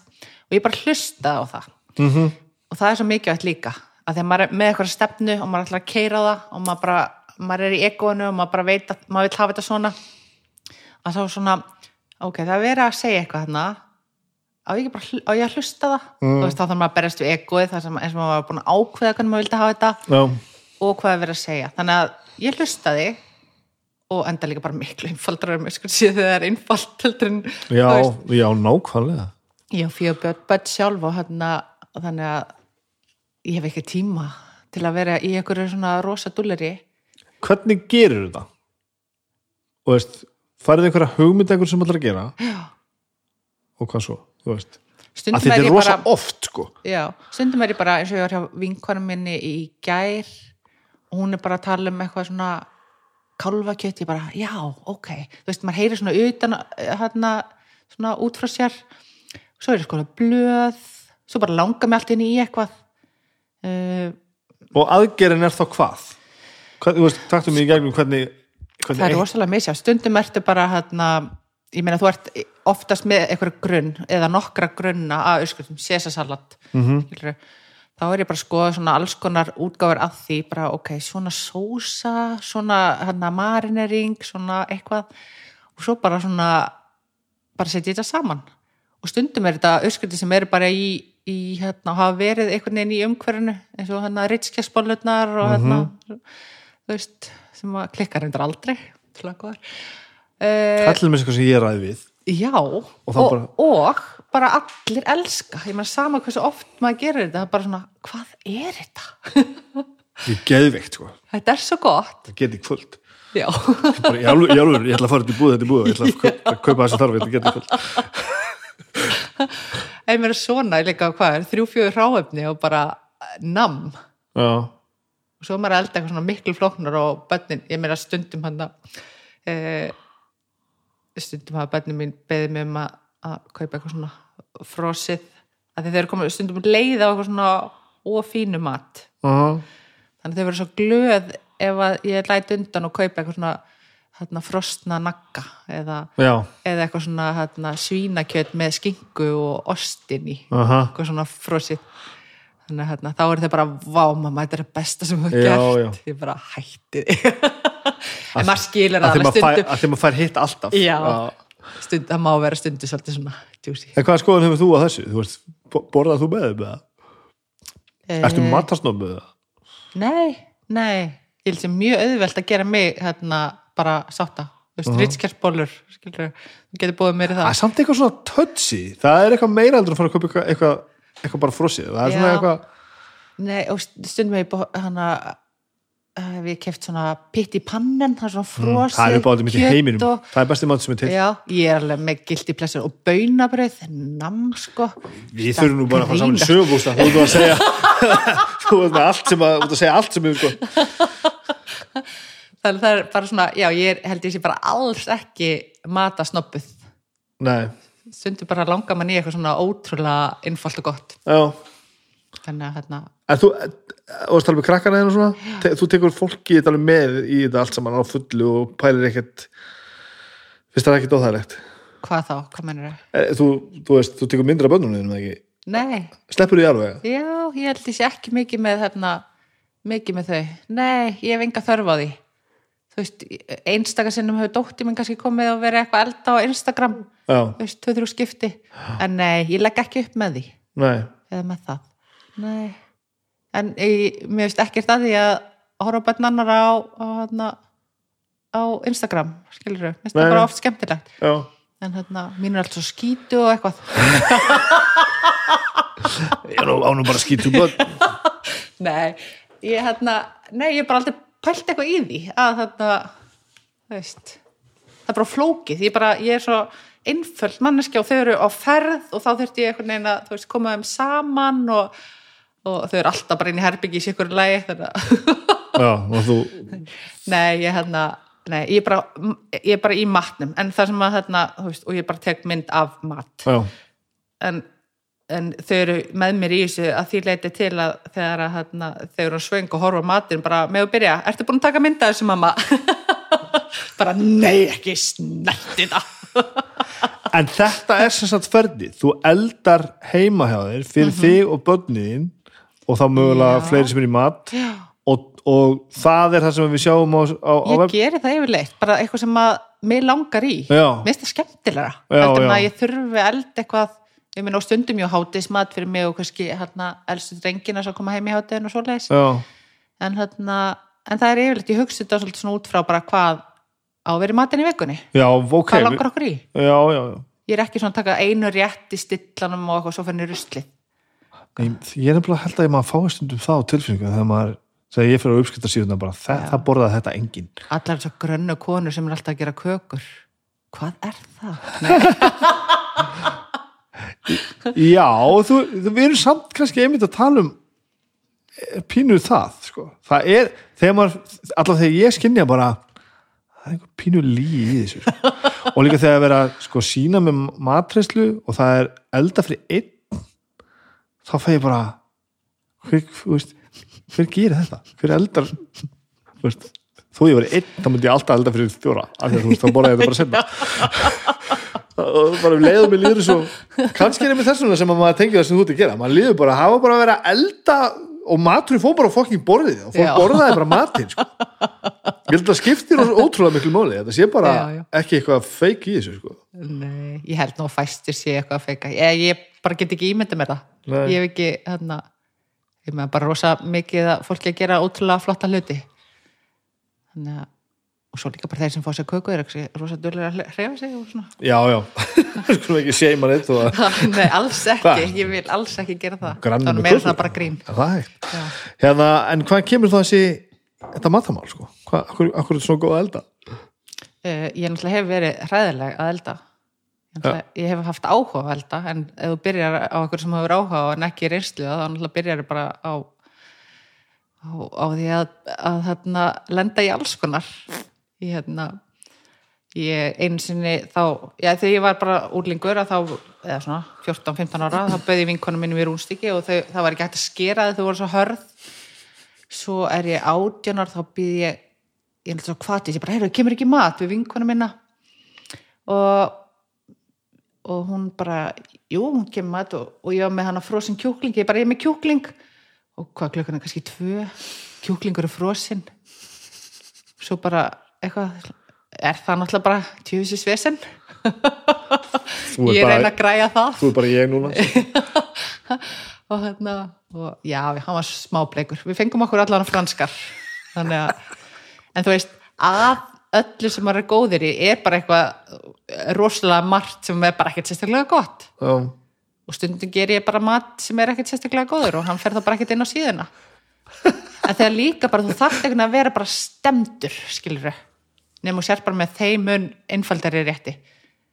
Það ég held svona að veist, þegar ég er bara vel stemd að þá ger ég bara geggjað mat. Já. bara skila sér einhvern veginn svona þú veist, ég veit ekki hvað það er það er bara svona þú veist, þú bara leggur einhvern veginn meiri nattni og ástriði í eitthvað heldur en að þú ert þreyttur og já þetta er orkan, Það það er er bara alltaf góð orka. Þetta bara skýli sér. En hvernig ferður þá að fá þennan áhuga á, á að gera þetta? Ég veit ekki, bara bara, þú veist alveg svo þú að spila gítar eða ég gerði það sem alltaf, ég var aldrei lélugur í ég var aldrei með hráan kjúkling sko. wow. og ég skal, ég skal, ég skal ummála þetta ég var, þú veist, aldrei ég var aldrei vannmáttuð gagvarti sko. nei, en ég upplifði mig ekkit vannmáttu Nei, með, frost, með frosta kjúklingi. Nei, ok, það er, er kannski málið bara. Nei, ég hafði meiri áhuga heldur en ég upplifði, ég er bara svona forvitin, pröfa. Og ég meina ennþá dag í dag, ég meina krakkanum mín bara, ó mamma getur við gert hann að súsað kjúklingin og ég elsa súsað kjúklingin að því ég er svo spennt að pröfa nýja rétti. Ég er alltaf að pröfa eitthvað nýtt. Þannig þau eru bara, svona að horfa síðuna sama í mína. þetta er hræðilegt, svo reynda gerði ég hann um daginn. Þau bara, wow, hvað þetta er gott. Þannig að ég þarf nú svona að vera duglega að gera gera hann þessar gömlu öskritir líka. En að því að líka, maður þarf ekki alltaf að vera að gera nýtt. Ég hef bara Nei. svo gaman að því. Já, að því ég er bara svona gaman að smakka eitthvað nýtt og pröfa eitthvað nýtt svona en, en það er ekkit endilega betra fyrir öskritir sér maður getur endur líka gamlar öskritir og já, þú já, veist, já. það er ekkit allir sem vita af öllum öskritir sem eru þarna. Ekki dróðin fokking tíu ár sko. Það er rosalegt. Hvað er mikið, hvað er þetta margar uppskiptir? já, ég þarf að koma að staði. Ég var að spyrja þessum daginn, ég hef ekki hugmyndu það. Tjekka því, læti vita. En, og varst að tala um og, og hérna skila á svipum tíma og varst að gefa bókina það ekki? Já, það er svona eitthvað eftir. Og varstu þá sem sagt, meðfræði sem varst að gera eh, búa til að feril í þessu þá varstu bara alveg börn og, og, og rekka heimili? Já, sko, maðurinn minn fyrirhandi, hann vann erlendis, þannig að þá hendaði það bara mjög vel og ég elska að vinna heima. Það er það indislegt. Það er svona ákveðin kvíld bara í því, þrátt fyrir að það er nöðsilegt líka að fara út af heimilinu. já, já, En þarna, uh, já, en svo fór ég, sagt, að því að það er nú ekki, þarna, veist, maður þarf að finna sér húsnæði og það er alls konar svona vesen sem felst í því að skilja, maður er ekki með því. Að þarna, að þá fór ég að vinna, þú veist, fór ég aftur að vinna sem hjúkuranfræðingur í eitthvað tíma, var eitthvað svona aðeins að flakka og er ennþá að vinna sem hjúkur, ég er núna í bólusetningu, bólusetningu landan, næs fór í fyrra í hérna COVID-síman, taka móti símtölum. Já, velgast, Þannig að, velgast. hérna, ég er svona hjúkan kemur alltaf upp ég meina, og það er líka góða við þetta nám. Býtu, ég er að kapna hérna Vá, ég veit ekki hvað hva festist í hálsinum að mér. Sýtur hann að eitthvað uh, er, er ekki eitthvað sem klippir þetta? jú, litli bróðum sér um þetta. Producent, sko. Já. En já, það, það góða við hjúgrannfræðinámið er bara að það er all- alltaf svona einhver verkefni sem komu upp, þú getur alltaf þú ert í raun alltaf með vinnu. Já, já, þannig að þarna, það er mjög gott að hafa það. Og ég elska detti inn svona verkefnavinnu, eitthvað svona akút þú veist, mér finnst það bara ótrúlega þarna, skemmtilegt, en svo fæ ég leið. Já, ok. Svo bara svona langum að fara að gera eitthvað eitthvað nýtt. Já, eitthvað nýtt. Þannig að með verandi svona típa þá er ótrúlega hvað ég hef í rauninni ennst lengi með sé já, en það er kannski að því ég fæ að gera alltaf nýtt og alls konar skemmtileg verkefni sem maður fær að gera líka bara öskrutabæklinga eða auglýsinga fyrir fyrirtæki eða veist, það er svo mikið svona sem að maður hefur fengið að gera þannig að í rauninni, mér leiðist ef ég er að endurtaka mig mikið Hver- hvernig þú veist nú þekki ég þá aðeins að ég skinni að taka, taka þetta leap of faith og byrja einhvern veginn að trista því að verkefninu haldi sko. mm -hmm. hvurslags moment er það að vera að koma að sérst ekki, áttu ekki fjögur bönn að koma út úr hjónabandi og stökkvinni það að fara að trista því að svona verkefni gangi, ef, ef var ekki miklu öðuldar að bara skrifa einhvers staðar niður og bara gera allt safe Algjörlega. Og enda hef ég farið í það, ég er bara svona tímabundið þarna farið aftur að starfa sem hjúgrafræðingur og, og haldi ég geti gert líka bæði. Já, Þú veist bara, já. vá, hvað er að besta lífið ef ég fæ tekið frá þessu og tekið frá þessu. Já, ef ég er bara í fullu starfi, Mhm. -hmm. bara velunur starfi og svo er ég líka með bloggið. En það sem gerist þá er að þá bara sinnur hinn að minna og minna Já. og minna og hugurinn er ekki þar lengur. Þú getur ekki verið á svona mörgum stöðum og ætla að gera allt ótrúlega vel. og jafnvel þráttur að tíminn sé runni nægur að þannig svona. Algjörlega. Já, Þú ert bara ekki fókusa og líka það að þurfa að berjast fyrir lífiðinu, þú veist, innan gæsalappa, aha að eins og bara peningaleysi, þú fær svo geggjar hugmyndir oft, þú átt ekki pening. Að þú bara verður að finna leið. neyðin kenni nektar konu bara. Algjörlega, þú þarfst bara að finna þetta, algjörlega að, veist, hvernig ætla ég að gera þetta, hvernig, og þá bara fer maður að hugsa, ég, hvað, hvað þarf ég að gera til að borga reikningana? mm. út frá því koma bara frábæra hugmyndir. Að þú ert að berjast fyrir lífiðinu og þetta er ástæðin, þú vilt haldur svo áfram. Þannig að þá þarftu bara að finna leið en nú leiður komin í svona safe haven að þú veist bara örugt Já. skjól með peninga og eitthvað svona að þá hef ég upplifað að þá bara eitthvað neginn svona er ég að sinna þessu ver áhugavert. Ekki það, ég meina, þú veist, hætta ef ég verið ógæðislega rík, skilur þau Nei, ég samt- það, en bara um leið þú ert farin að gera annað, þá ertu komið fókusinn af þessu. Og jú, kannski bara kannski væri ég að sinna sér verið ef ég ætti ekki, ætti nægan penning og þú vilt meina að sé þá kannski ef við hotlara með svona hugmyndir að taka stökkið aðeins og snemma? Að láta bara vaða og verða bara synd í land? Þar, já, ég, það fer kannski bara eftir karakterum. Sem ég myndi aldrei gera það. Og þeir eru öruglega starfi fjármála geranum þar sem að svoleiðis áheldur kannski ekkit við skilur, Nei, þú vilt ekkit þeir séu bara eitthvað gerum þetta bara fuck it. Þannig að það eru ákveðna típur en svo kannski, þú veist svona, eins og við kannski sem erum í eitthvað svona creative eitthvað, Já, að þá kannski í allan fyrir mig að þá held ég að ég meina það er bara svo góð skóli að vera í þessu. Að, og líka bara e, þú lærir svo mikið að hafa trú á sjálfu þér. Mm. þú veist bara að því að þú þart einhvern veginn að standa með sjálfu þér í gegnum þetta veist, þú stundum bara hefur bara þig. Þú, bara, þú þart bara að áfram, áfram að þú veist að þetta mun ganga. Og getur ekki útskýrta Mhm. og ert ekki með þarna, getur ekki setta í exerskjali og bara finnur það og verður að halda áfram.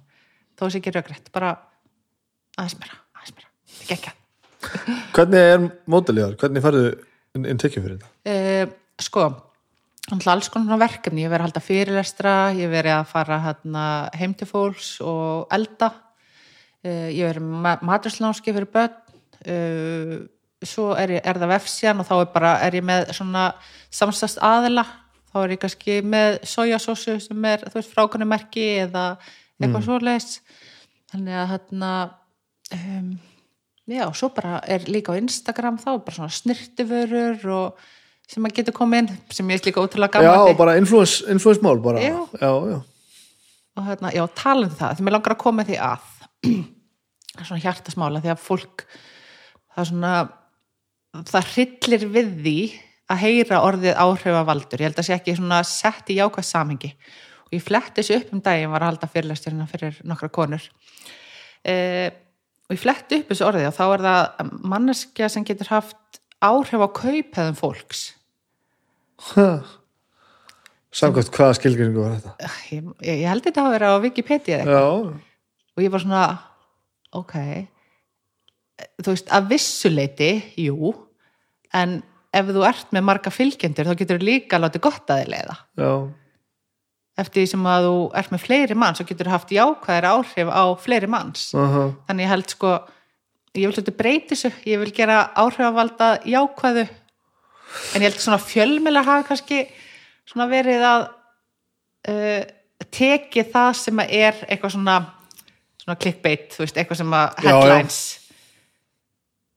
Ég held við eigum eftir að ná eh, jafnvægi með áhrifavaldamálin.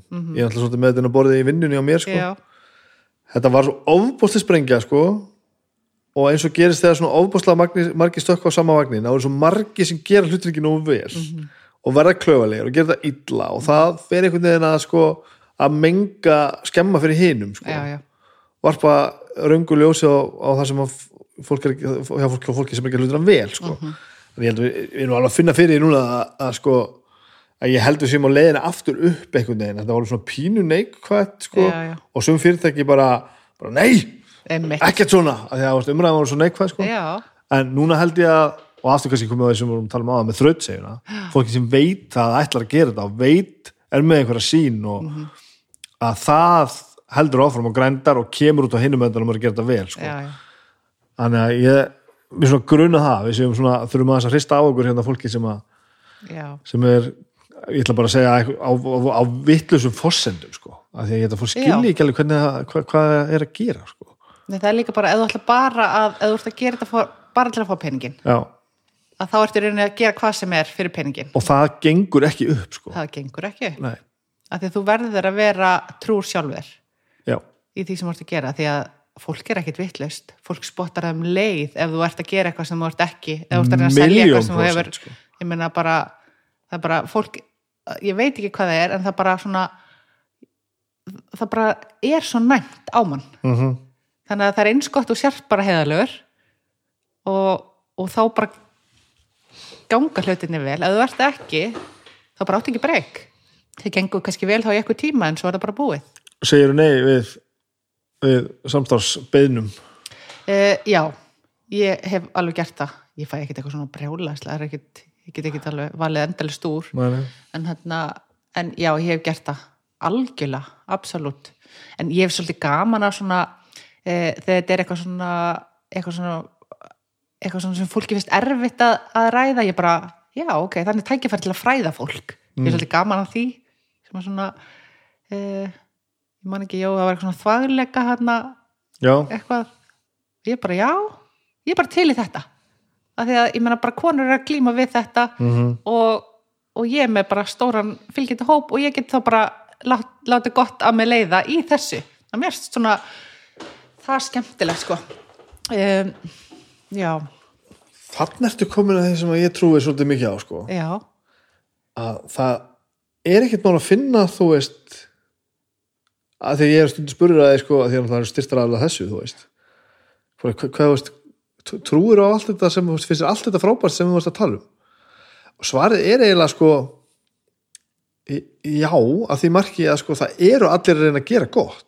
Og það, þú þarft að vera helviti neikvæður ef þú horfir á það sem að vera, vera sko, það sem vera rétta að þér og, og, og þú getur ekki séð neitt sem að höfða til þér sko. þannig ég er auðvitað að tala ég um þetta á, á minn hátt sko. já, já, en það er ekkert mál í 95% tilvika að finna flötin að því sko. ég get alveg talað um þetta, svona. Já, af því að ég hugsa svona og fyrir mig virkar þetta svona mig og það er frábært sko. algjörlega. En, en, en og það er það sem ég held ég sem er búið að skemma fyrir, fyrir þessari markasetningu er bara, þetta er rosa frábært fyrir alla Einmitt, þessi stemning sko. Nákvæmlega. Og bara, þ- þú ert ekki að segja mér neitt, Nei. þetta er bara rugl sko. en þá ertu líka bara að þú ert bara ok, ég ætla að klára þetta og ég ætla svo að kassin pening skilur ég finn bara mun, þú veist ég hef alveg talað um vöru sem ég veist fín og ég, ég segi oft bara svona ég elsk, það sést svo þegar ég er að tala um vöru sem ég er hrifna já, sem ég bara svona elska. Ég get selt hana öllum. Já, það fyrir allt í gang. Ég bara elska þessa vöru. Og svo er suma vöru sem ég veist fínar. Já, en munurinn þarna er alveg gigantískur en hinn er náttúrulega en þetta er fyrir mig en svo er náttúrulega aðri sem að bara elska vöruna sem ég finnst bara ágætt Já, skilur einmitt, einmitt, einmitt. og ég hugsa oft, ég fjallum vöru sem að um, myndi ég kaupa þetta aftur? Myndi ég kaupa þetta eða mínu pening í þessu vöru? Góða punktur. Já. þá get ég fjallað um hana. Já, og þá ger ég það líka ókslega vel. En þá er ég bara með eitthvað svona þá er ég spennt. Og ég er berlinri spennt þá getur hún selt ömmu sína. Þetta er góð þetta er góð regla sko. En hitt er rosa þreitt sko Að því svo meiri sér stundum líður mér ekki eins og fólk að geta fyrir peningar heldur líka bara að því að langa bara að vera þessi típa einhvern veginn sko. það gerir mér enn brjálari sko. þá var ég alveg manni sko. En er þetta ekki oft samt bara ungt fólk, þú veist, bara úlingar eða þú veist, bara fólk á tvítusaldri, af því ég hugsa hvernig að ég verið, Jú, nú er ég 45 ára, þú veist, ég get ekki borið mig og mína reynslu ok, hvað er í gangi? Ég get ekki bo- borið mig og mína reynslu við einhverja, einhverja tvítu einstaklinga, ég meina tvítu að Berglind var ekki með kannski svona eh, hún væri bara ekki með jafn mikið prinsip nei, nei, nei, nei, nei, nei nei, ok, það er alveg satt sko.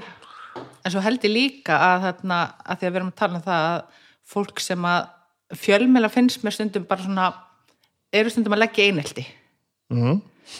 Og mér það svolítið svona að því að þeir pikka ákveðna einstaklinga og ákveðna hegðum frá einhverjum einstaklingi, pikka það út. En svo er ekki minnst á þú veist, ef þú fyrir að skoða þetta ef að einhver, eins og við erum, höfum verið að tala um ef við fyrir að skoða uh, hverju endast í þessu, þá er það duglega fólkið. Já, já, þannig að sko, ef að fólk er búið að endast lengi í þessu, þá er það að gera eitthvað rétt.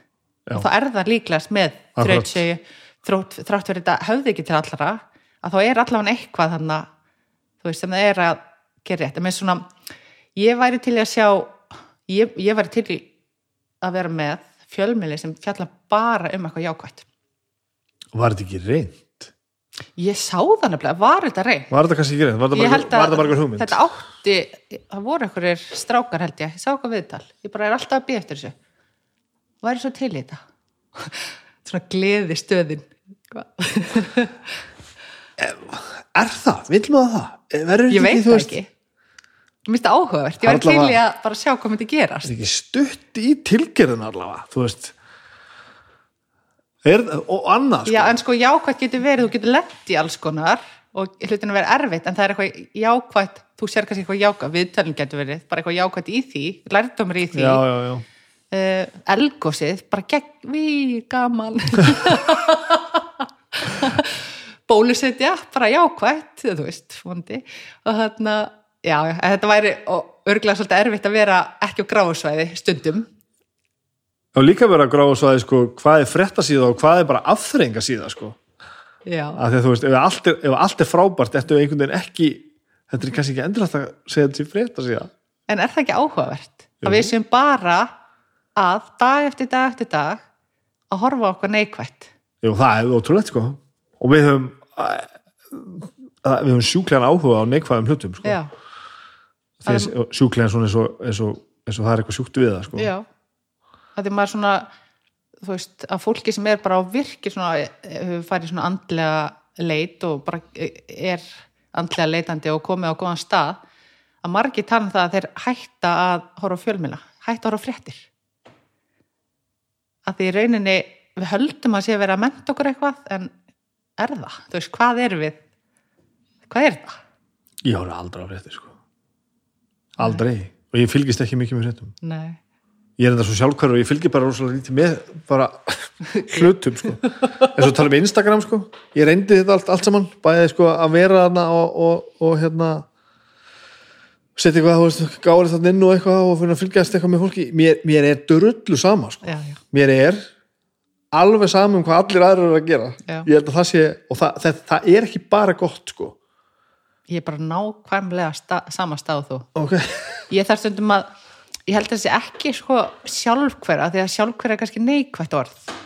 En ég held að sé svo mikið inn í mér skilur, að, að spá í hvað ég er að gera á mínum hugsun og hvernig ég get, þú veist, eitthvað neginn að ég, ég svona þarf stundum, ok, bara farða hans út og horfði í kringu þig þú veist, í stæðan fyrir að svara því hvernig mér líður, spurðu hvernig hinu líður. Já, já. Skilur svona þetta er kannski smá smá sjálfhverja en ekki á ég bara, þetta er svona karakter enginni þannig að ég, ég er alveg góð mannskja og ég elska alveg að heyra hvað það er að segja en ég bara svona í daglegu lífi gleymi ég kannski að, en hvað með þig? eða þú veist nei, ég held að fólk alveg mjög auðvitað með að tala við mig en svona uh, hvernig get lýstu ég bara í svona án þess að fara í hérna, sálfræði berglindi eða þú veist eitthvað svona djúpt að bara svona, já, hvernig ertu búin að hafa eða þú veist svona eitthvað. Já, já, skilji, en ég er svo mikið að pæli hvernig ég hef það. Fyndið. Heldur fólk upplifið þetta líka? Ég veit það ekki.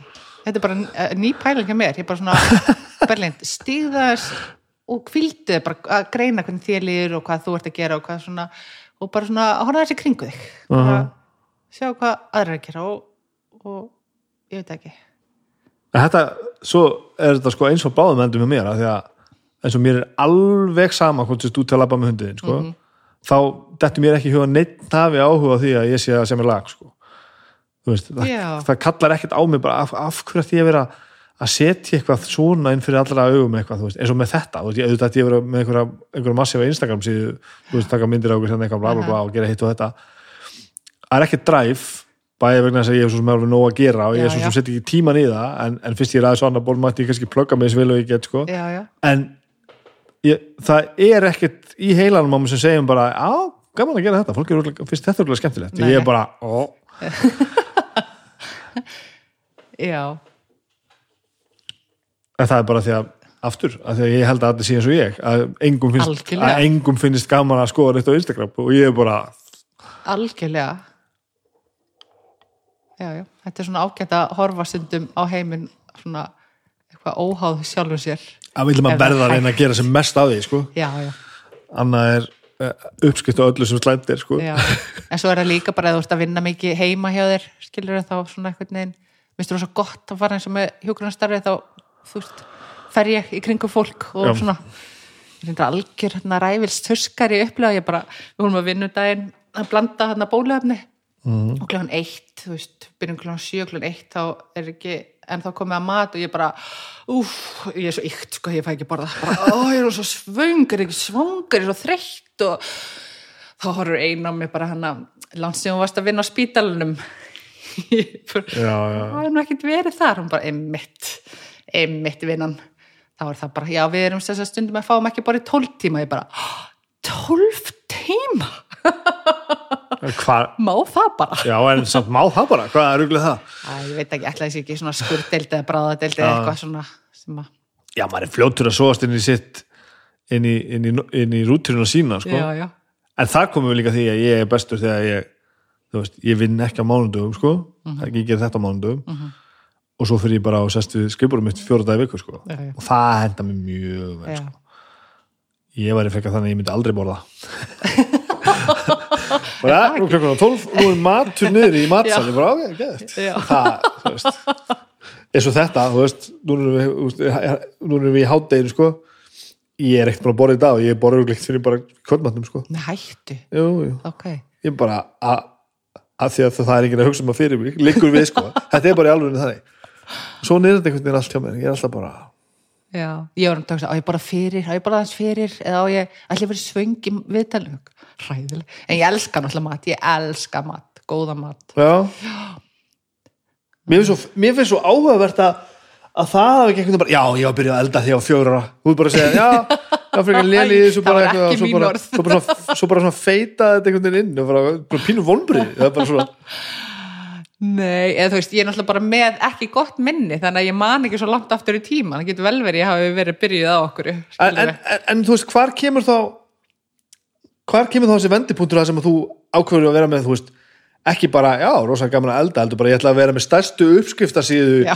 í heiminum, þú veist þú, það, það, það getur ekki verið að er bara svona, já, frosin kjúklingur og svona, já, ég er uppskriftarsíða Alls ekki, ég, men, ég ætla aldrei að gera þetta. Þetta er eins og ég var að tala um að bara eitthvað svona sem kemur til manns.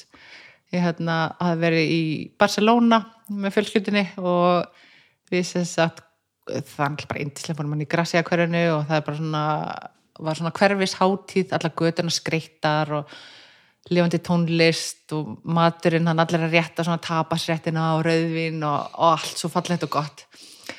Uh, svo kemur heim í haustlæðinar ekki svo gott og þá kom bara þessi hugmynd að gera eitthvað með þetta.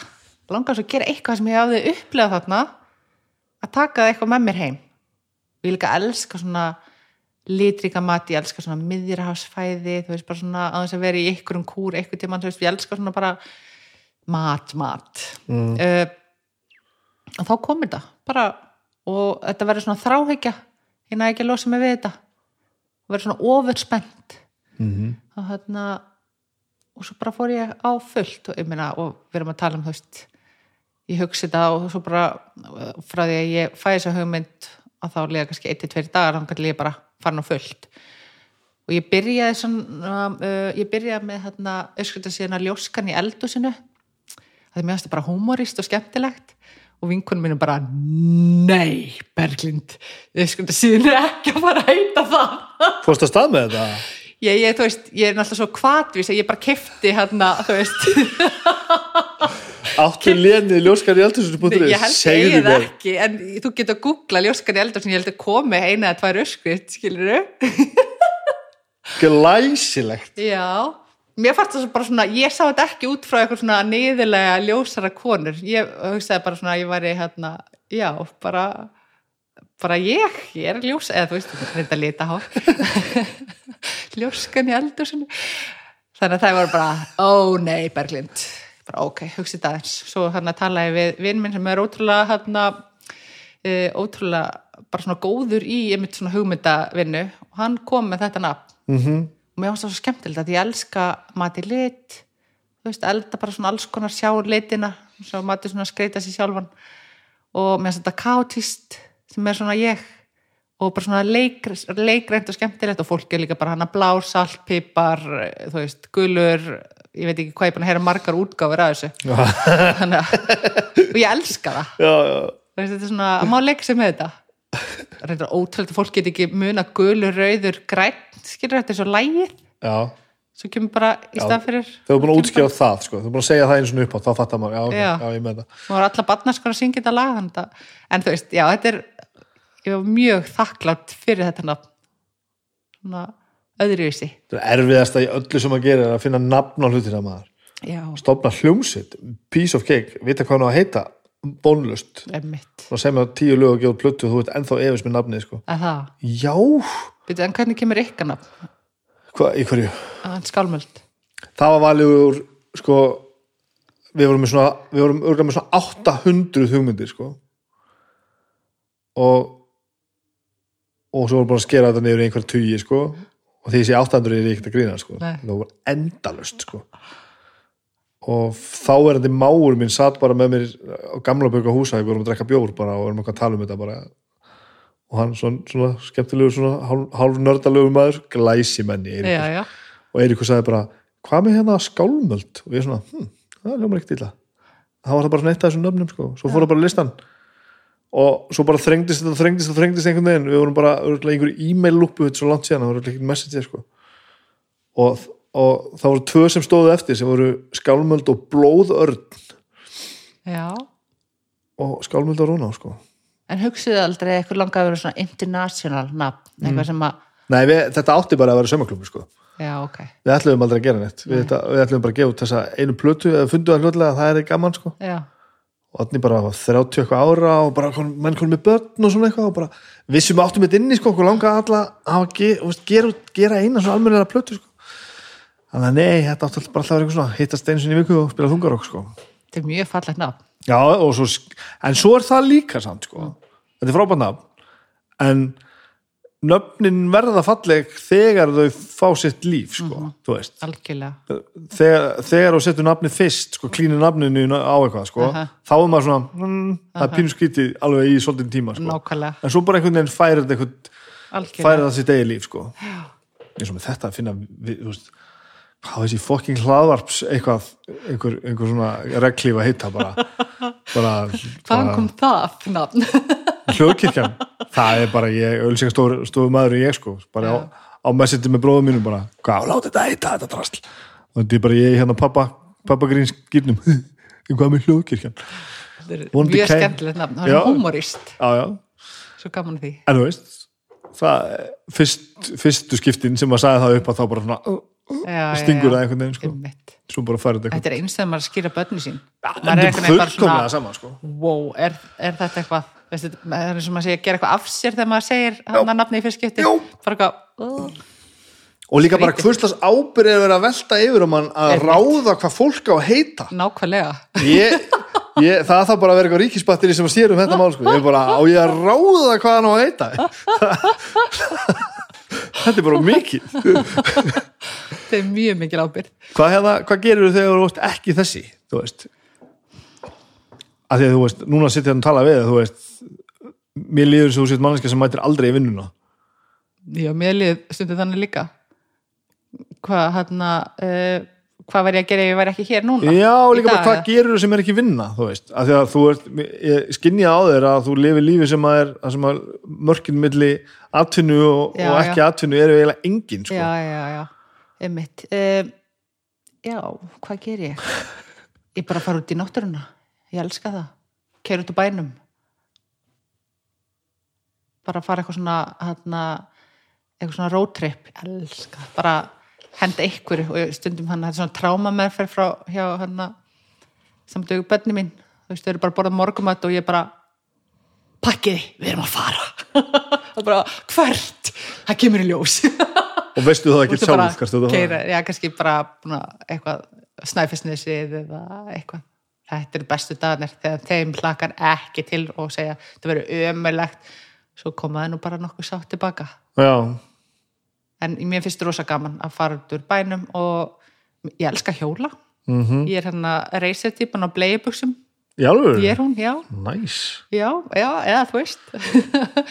En ég elska já, sko, ég var ekki viss um hvort að ég myndi finnast, myndi finnast svona, svona reysir skemmtilegur. Því ég, ég elska fjallahjóli vera svona skítug og þú veist maður svona eins og maður var bara þegar maður var krakki.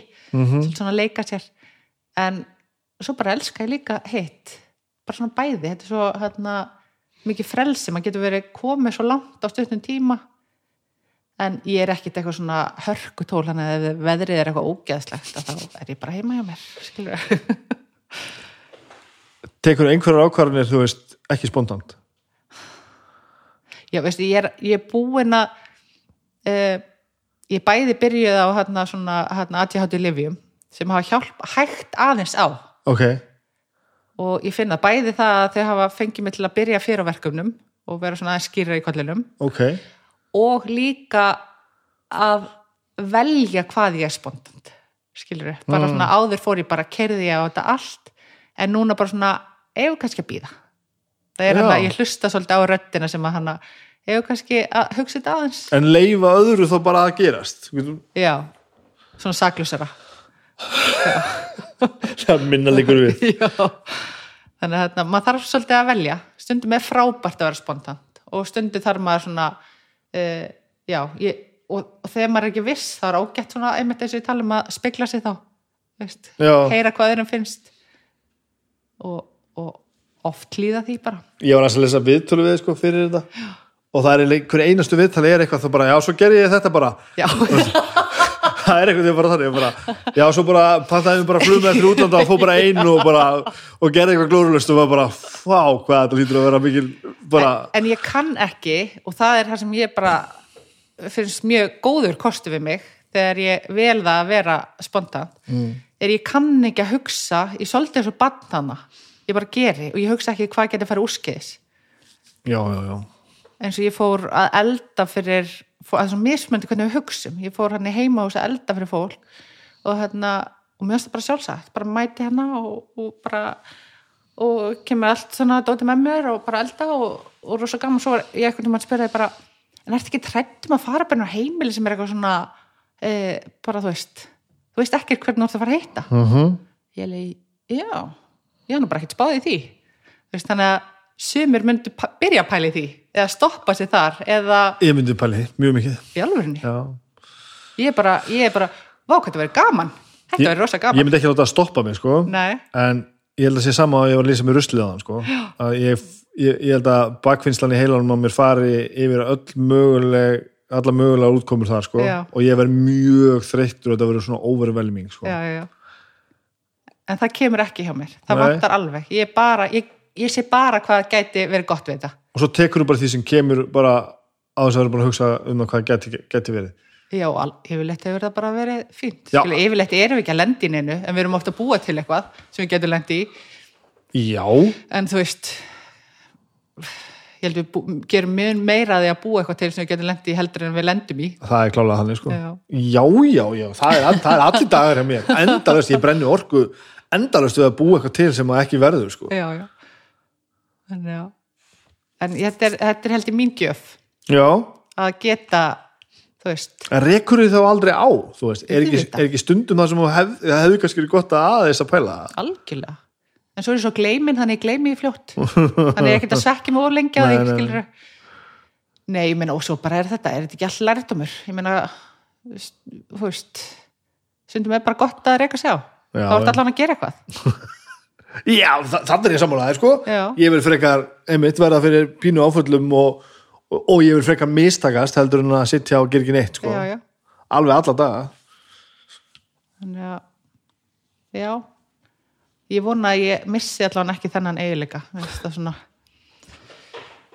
já, að þú svona að, þessi kvartvísi og þetta einhvern veginn að vera alltaf kannski svolítið til að gera eitthvað nýtt og, og taka svona snöggar ákvarðanir og, og bara fara af stað. Hvernig kemur þetta saman við að vera með þú veist eins og þetta? Og búin að vera með saman hlutin í gangi tíu ár sko. nákvæmlega. Uh, finnst þér þú alltaf vera að þú veist að bæta veist, einhverju við eða, eða bara uh, já, að vissuleiti að þeir náttúrulega út frá þessu þá eins og með sjónvarsáttin sem ég var að gera já, þannig að sem ég flakk um sikili, aldrei ein uh, þá er ég að gera, takast á við að fara í sjónvarsbí fyrstskipti já, þannig að ég er að gera alls konar svona verkefni út frá vefstíðinni sem kannski tengjast ekkit endilega mat já, já, já en tengja saman kannski mat og fólk. En talandi um það að þá hvað fyrir fjórum, þrem árum þá er ég á hérna svona námskeið hjá henni Vilborgu, Pólfara.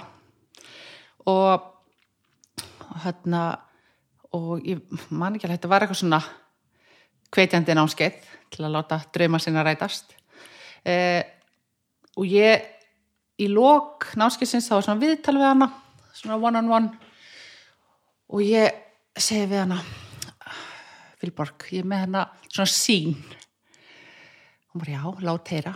Mm, ég sko sé mig á sviði Erlendis að halda fyrirlestur. Og ég er bara geggja fræg og hún bara, já, um hvað er það að tala? Það er bara vandamáli, ég veit það ekki.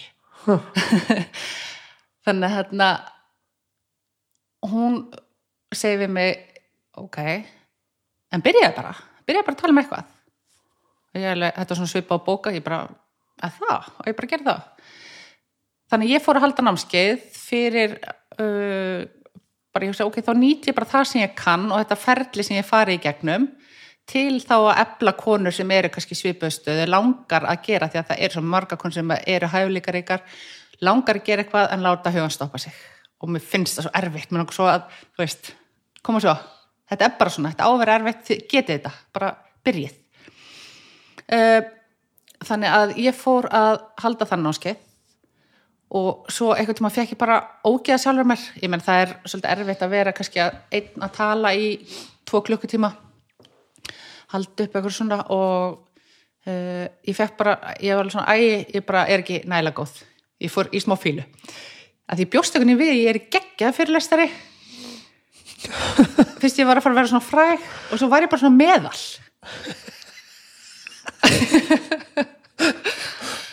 Þannig ég held nokkra og þú veist jújú, jú, bara gekk ágætlega. En hérna en svona, ég var ekki alveg, þú veist, ég var ekki að negli þetta þannig að en ég er ekki alveg búin að leggja þetta á hilluna, ég held að þetta komi aftur, að ég fæ ekki svona okkur hætti að fá svona sínum og hún rætist ekki? Ég veit ekki. það verður ekki gerst hinga til. Þannig að ég er svona ennþá bara ok, hvernig hvernig á ég að gera þetta, hvernig þetta eða þú veist, hvernig þetta gerast kannski? Þannig ég er með það baka þú- að nú varst með eitthvað svona plan sem var ekki nógu fullmóta þannig að þið- þetta fór ekki alltaf að lesa um ég, ég var náttúrulega ekki með neitt plan ég Já. bara einhvern veginn ok, tala um eitthvað og, og svo bara er líka, það er ekki nóg að fá bara sín og eitthvað, svo er bara rétti tíminn fyrir Mhm. alla hluti Mhm. þannig að ég held ég sé tilbúin núna til að vera fræg út í útlöndum en ég er ennþá ekki viss um hvað ég ætla að tala um þannig ég þarf, um leið ég finn það Þetta er ógeðslega fyndin leið til þess að fara, fara hlutunum mér, þetta, mér finnst þetta briljant sko. Ég, ég geri þetta með bloggið, ég sé það bara vins, ég sé það fyrir mig bara vinsalast mm. -hmm. eða ekki vinsalast það eru flott, marga flotta síður hérna en ég sé það bara ganga vel mm -hmm.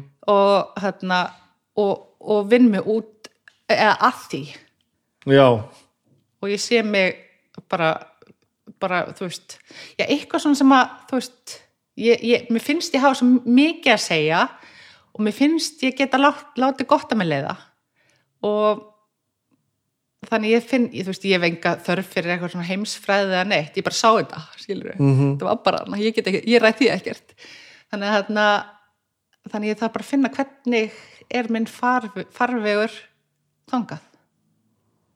Það er kannski að fara enskun á. Hva- hvaða þú veist hvað, hvað til er þetta Eh, fi- finnurðu bara að þér ætti eftir að líða vel með að gera þetta sérðu þið fyrir þér eitthvað comfort zone þar sem allt gengur upp Ég veit, ég... ég, þú ert ekki að tala um eitthvað sem þið langar að gera þú ert að tala um eitthvað sem virkilega sér fyrir þér að eigi að gera ég, Já, ég bara fæ eitthvað svona sín, eða veist, ok, það hljómar of hérna miðislegt. Hérna, ég, fæ, ég fæ bara eitthvað svona eins og með, hérna, mér bara finnst eins og þetta muni gerast. Ég bara, uh, og svo náttúrulega út frá því bara svona kviknar eitthvað áhugi. ég get ekki útskýrt þetta. Þetta er mitt svona, þetta er mitt, uh, mitt businessplan og reyndu að selja einhverjum banka þetta. Góðan daginn, ég, ég, fekk hérna sín. ég myndi krefja þig um eitthvað aðeins meira sko. en þetta er samt sko, þetta er samt heillandi því leiti að hérna að maður er búin að sjá það ekki um tíðina að það, það virkar ekkert nema ástriðan sitt í staðar sko. Og ef þú kemur inn með þetta passion sko, ég veit að ég ætla að gera þetta hérna ég veit bara ekki hvernig Já. það er miklu meira heillandi fyrir mig heldur en bara, ég veit nákvæmlega hvernig ég ætla að gera þetta og þú skynja bara, það er ekki dræfið sko. þú Nei, nei. bara með plan Einmitt. og það er enginn að fara að fylgja þessu plan eftir sko. Þetta er smáfurulegt, ég viðkenni það en ég stjórn þess ekki þetta er bara, og þetta er ekki eitthvað, eitthvað sem að þetta er eitthvað sem að bara held ég mun gerast bara ég veit ekki þarf stundu bara að treysta þetta er bara komið, þetta er bara í kosmósinu Mhm. ég verð bara fræg ég þarf bara að setja mig það heimsfræg, skilur á ógæðslega mikið pening og já, Tjöfull lakkaði til er það ekki? Þú geðveikt moment þegar það gerist og þú ert búin að þú veist, fullið það áður sko. Já, er, góður þú punktur ert bara innsiklað að þetta verði svona Einmitt. og svo bara eftir þennan x tíma sem liður getur þú sagt bara, ég minnst þetta ekkert erfitt að segja þetta. Bara sagði það. Já, ég minnst ekkert og, og ég hugsa ekki hvað ef, og ég menn það er ekkert hundrið að hætta en þetta myndi ekki gerast, ég er veit að þetta myndi gerast. Uh, ég bara finn það. Þannig að hérna, ég ekkur viðtali segi ég ætla að vera næsta óbra svo finnst mér hún orðin aðeins of svona, ég ætla að vera aðeins ófáaðari. Skilur, ég vona að haldi í það vera meira svona já, þú veist, þetta er svo leðilegt að maður á of mikið penning og þá er hættan við að maður kannski, ég fyndi á að setja að segja það. Ég var að horfa á hann í gær. Og hérna ég var að hugsa hvað hann væri dipló sko. Já. Þannig er komin of miklu peningar og stöðin, hún er búin að missa svona sjálfstæði sig kannski. Já, en hún er held ég samt sko, ég hef bara í alla minna heimsins-vinningu fyrir ópröfu hún, Já, svo- já, hún er geggjuð. Hún er ótrúleg sko. En mér fannst bara og, og hún var að tala við hérna Elliot Page hérna trans hérna transmann um það mál sérstaklega sko. Og, og ég fattaði bara allt í einu bara hún er að tala við svo marga þjóðfélagsópa í einu sko.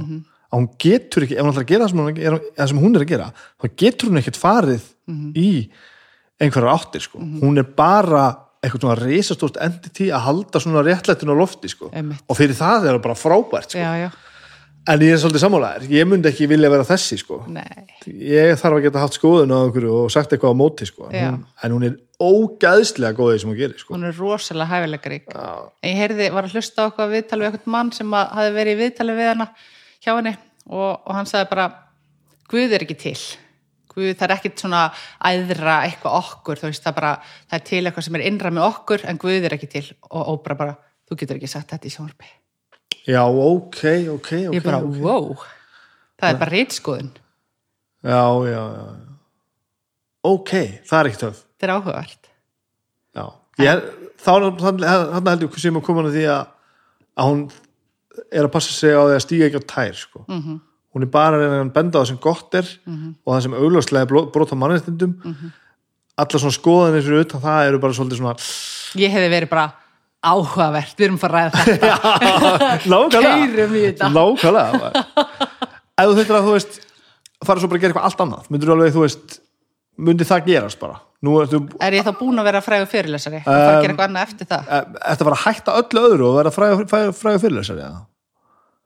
ég, það fyrir bara eftir hvað ég, Þú ert svolítið búin að tala um sko nýjára skiptur um allt bara vinahóp og allt saman sko þú, ég hafði samt alveg samband við vinni mín eftir þetta. en- enga síður sko, því fannst þetta ekki tiltökumál. Nei, nei. þannig, fer einhverja svona þú uh, ferður því að fá tvo í starfsfæði yfir á hvað fyrir Vestló. Mhm. uh, svo, öfgar bara. Já og þú veist, svo ertu sko fjöguböld og svo ertu fráskilinn og svo ertu í vinnu og svo ertu farin að vinna fyrir sjálf og veist, þetta er allt svona, þú tek, tekur allt í svona uppeyjum fjöguböld for fuck's sake sko. Já, ég veit þarna er að kunna ekki að hugsa fram í tíman já, ok, skilur ég næði ekki að hugsa vákað mikið vinna á fjöguböld en reynda sem er mjög gott að því að vákað er æðislegt að á fjöguböld líka. Já, já. Vákað þau eru að fara að hugsa vel um mömmu sína í allinni já, algjörlega sko. Uh, já. Ég mm, ég veit ekki hvað skal ég segja heila. Það gæti komið moment eftir, þú veist, halvt ára sem þú bara fuck this shit, ég ætla að gera eitthvað allt annað Já, sko, ég, ég hérna, er alveg að færa mig kannski svolítið þangað að því að, og ég sæði alveg einn daginn að hérna, ég myndi kannski selja uppskriftasíðuna já, þú þannig, á, ok, Já. ok, ok uh, en það er ekki eitthvað sem ég gerir spontant skilur það er Nei. bara, ég er að pröfa þú veist, eins og með þannig þátt að fara erlendis, taka viðtal við fólk og svona, þú veist, þó ég tengi þetta matnum, að þá svona langar mig að færa mig meira í fólkið uh, en núna hef ég bara ennþá það gaman að matnum að veist, og er ekki orðin frægur fyrirlesari þannig að það er ekki að ágjöra þessu Akkur fyrirlesari? Hva, ég veit það ekki, eða, veist, ég var bara að tala um ég stóð hann sviðinu og er bara að tala um eitthvað sem að þú veist og fólk var að elska mig Þau þú, verður "Er að, hún geggjuð?" þú verður að útskýra meira fyrir, fyrir mig hvað, hvað, hvað kallar sín sko. er þetta þegar þú ert að ég vakna fæ eitthvað svona myndrænt bara fær aldrei svona, bara eitthvað svona fær bara eitthvað svona eitthvað svona mynd í hugan og bara, ha, er ég að fara að gera þetta? ekki Nei, aldrei Mína myndir er alltaf bara ég er alltaf bara að segja sögur sko. já, áhugavert Ég trúi náttúrulega ekki á neitt sko. nei, er, er, nei, nei er, Kemur þetta inn á eitthvað svoleiðis? Er, ertu einhver forlega trúður að svoleiðis? ég veit ekki hvað þetta er, ég bara ég bara fæ þú veist, þetta er ekkert marga myndi sem ég er búin að fá í gegnum lífið, bara þú veist Þa, þá er þetta eiginlega enn merkilega sko. Þetta er ekki bara eitthvað, eitthvað random bullshit sko. nei, nei, eða þú veist, þetta er kannski algjör bullshit en þarna uh, ég meina, ég þarf allavega bara að stækka og ég þarf að hana, áskoranir og ég þarf að pröfa nýja hluti já, já, já. uh, og ég er ekki alveg þráttur ég hafa ekkert verið eitthvað svona þú veist, ekki jafn góðu fyrirlesari og ég held, að því ég held samt að þetta sé, þú þarft að vera tilbúin til að vera geggjaður. Og ég held þarna uh, vildi ég bara vera geggjuð en ég var samt ekki tilbúin. Og þegar maður gerir það þá fer maður kannski ekki nægilega vel undirbúin Aha. í það sem þú ert að gera. Þá ert ekki alveg, þú veist þú ert ekki með þrákin og ert ekki alveg að krifja þetta, skilur Aha. þau sem maður gerir þegar maður er bara, þú veist, þú veist ég verð að gera þetta. Heldur bara svona, ok, ég er búin að sjá þessi mynd ok, þá þarf ég að gera þetta, þarf ég. Já, en já, þarna þannig að ég kannski kannski ég myndi vera bara undirbúið mig geggja vel. Þá væri ég nei, ég veit ekki, og svo kannski verði ég ekkit fyrirlesar en bara svona eitthvað að ég veit ég er góð í því, ég er góð í að hvetja fólk áfram. Ég vil að fólk stígi lengra en það er að gera. Ég vil að fólk taki áhættu. Uh, en mér langar samt líka að segja þeim að þetta er alls konar svona tjöfisisgangur sem er í þessu ferli. Þannig að hérna uh, já, mér langar að hjúkan í mér langar að, þú veist halda áfram að, en ekki samt svona venjulega heldur vera þú veist. gera eitthvað, láta eitthvað gott að með leiða. Þetta, er heit, þetta er mjög heillandi sko. Þetta er svo langt fyrir utan allt sem ég hugsa. Ég er veginn bara ég held að fólk sé ekki þarna kannski, eða þú veist, kannski einhver já, En sápartur af því sem ég tengi mjög mikið við er þetta, þú veist, að þegar þú ert trúir virkilega á því að þú sett að gera eitthvað sem að maður á- að vera að gera að passa, sko. Það er þetta með að, og kalla þetta krifja hlutina, sko. já, Þegar maður finnur einhvern veginn að dræfið er þannig já að þú til að velta við öllum steinum og eigða allri orkunni og öllum tímanum í bara, ég verða að láta þetta ganga upp, sko.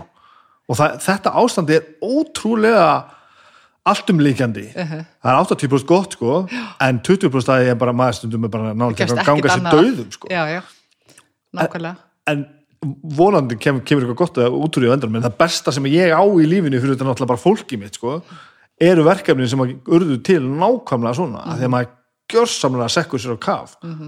Ég fæ ekki þessa sýnir, sko, nei, en, en sennilega er þetta ekkert óskilt hjá mér er það meira bara svona það er eitthvað hérna og ég get ekki sleftið að labbi þess átt sko. ég verð að fara á hann sko. nákvæmlega þetta er bara eitthvað tilfinning Já. en já, tilfinningan já ég veit ekki. Er, ég skildi ekkert. Ég er ekkert ég bara, ég er bara með uppskriftasíðuna þá kom þetta svona, bara að ég ætti að gera þetta. Ég bara átti og þetta, þú veist. Uh, og svo þetta núna, ég bara ég er samt ekki alveg ég, ég er ekki samt þar að ég bara á skilur en ég er meira svona, þetta mun gerast. Þa, það er eiginlega ennþá skemmt það er ennþá skemmtilega en þú býst samt ekki við því að það gerist að sjálfu sér því þú leggur á stað einhvern veginn. Já, já, ég er núna að þreifa mig áfram veist, með sjónvastáttunum með þarna hlaðvarpinu, með eitthvað svona finna bara svona minn farveg finna hvað ég ætla að tala um, með að tala bara endalust uh Mhm. -huh. hvernig gengur það að, að, byrja á þessu nýju hlutum eins og við ætlum að sá þetta með þetta hlaðvarp? Sestu bara niður og bara, ah, fuck it, byrjum. Uh, Já, allan daginn. það, það, það koncept er nú business og vel mótað sko. og er það það er bara að kýla á þetta. Ok, en náttúrulega að baki, þú veist mér finnst svo gaman að, veist, þetta er ekki eins og ég hafi ekki verið búin að undirbúa mig, ég er búin að vera allt mitt líf að spá í já, já, já. hvað gerir mann hamingisaman, hvað uh, gerir mann farþælan, hvað, þú veist, og ég er ennþá að læra en ég er bara, bara spá í samskiptum og, þú veist, þannig að, þú veist, ég hef alveg grunninn. Mm og, og þannig er ég bara svona að babla og hef, hef mjög gaman að því, sko, mér leiðis ekki að tala. Nei, nei. Ég hérna get ekki hætt svo að þú verður að útskjara fyrir fordóma fullum hérna, manni á 50 aldri þetta þegar fórst og, og giftist sjálfið þér. Já, ég hérna ég skilir ekki sko. Hvort skilur minna sínina eða, eða þetta? sko mér, mér þetta með sýnina eftir að við tölum saman um þetta þá líður mér soldið eins og við séum að tala um saman hlutin frá sitt hvernig Algjörlega. að því ég að allt sem að lýsa er eitthvað sem ég tengi svo ofbóðslega við þetta þú veist bara ég ætla að gera eitthvað sem að skiptir fyrst og fremst mig máli sko Mhm. og, og, og á einhverjum svona verkefnabasis að taka eitthvað sem ég með þarna og ég ætla að koma því bara býsna hátt Aha. uh, þó að við séum ekki kannski tölum ekki eins um aðkomuna þá held ég við séum að ég er að tala um nákvæmlega saman hlutin Ég held það líka. Uh, Þú ert að fara að gifta eftir ég segja frá þessu. gifta sjálfs mér gifta sjálfum mér Já. ok, Býttu bara. er Nei, nei. Þannig að, sko, aðdrandin að þessu er náttúrulega, þú veist, það er eitt sem er bara svona fyrirsagnir. Og fyrirsagnir, þú veist, þær segja svo lítið. Mhm. Og flest okkar, við erum svona fyrirsagna fólk. Við nennum ekkert að, að fara mikið onni, hérna, þú veist, meira en fyrirsagna. Kannski fyrirsögn og svo textan fyrir neða mynd eða eitthvað skilur og hérna, og jú, fyrirsögn er kona giftið sjálfur sér sem er alltaf bara bráð skemmtilegt og alveg svo hérna gulur eða græna saltnafnið er skemmtilegt að þá finnst mér þetta ótrúlega skemmtilegt Mhm. uh, ég hérna þetta er alveg svona tvíþætt uh, í fyrsta lagi þá hef ég ekkert alltaf verið bara svona sjálfsörug og ána með mig og einhvern veginn þó ég hafi gert hluti að þá hef ég samt ekki svona e, trúað ótrúlega eða bara verið minn besti vinur kannski. E, þannig að það hefur bara verið svona ákveðið ferli og svo hérna skildi ég og það er náttúrulega bara mjög erfitt ferli líka og maður er eitthvað hálf bara mikið lufsa þannig að ég var kannski smá lufsa fyrir og var svona ennþá meiri lufsa. Uh, þannig að þrátt fyrir ég kannski hafi virkað sjálfsörug, ég hef alltaf gert hluti og svona, að þá horfði ég ekki á mig og bara vá hvað þessi manneskja er. Bara falli manneskja og dugleg og góð og þú veist, ég gæti ekki tala svona um mig. Svo bara þú veist, er maður að gengur í gegnum hann skilna og maður tekur til í sjálfur sér og fer í göngur og upplifir sjálfur bara sé styrkist í náttúrulega í bara gríðalegu mótlæti. Styrkist ég og þá sér maður bara hvers megnugur maður er. Þetta er aðdraðandan að sögunni. Síðan fer ég hérna til Sigilegar bara svona spontandi mitt og hérna e, og ég veit ekki, að því að þú veist, ég var búin að vinna svo mikið og ég var bara, þú veist átti aldrei pening og var eitthvað bara svona búin að vera í djöfisisharki ferði þarna út og ég eitthvað neginn finnst ég bara að hugsa bara, þetta er bara uppskjöra hátíði mín.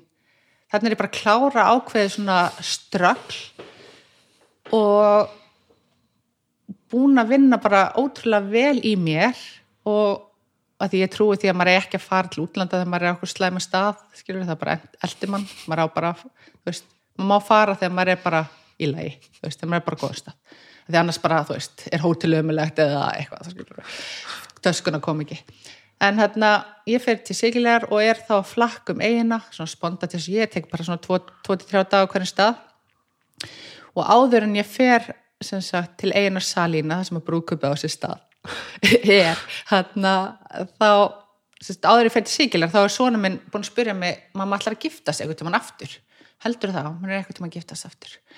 Og ég bara vissi ekki alveg hvernig ég átti að svara en ég segi bara hann að já, já, kannski ég bara giftist sjálfur mér og þar kemur þetta fyrst skilur og hún alltaf fannst að bara hann versli mamma og eitthvað vandræðilegt og eitthvað svona.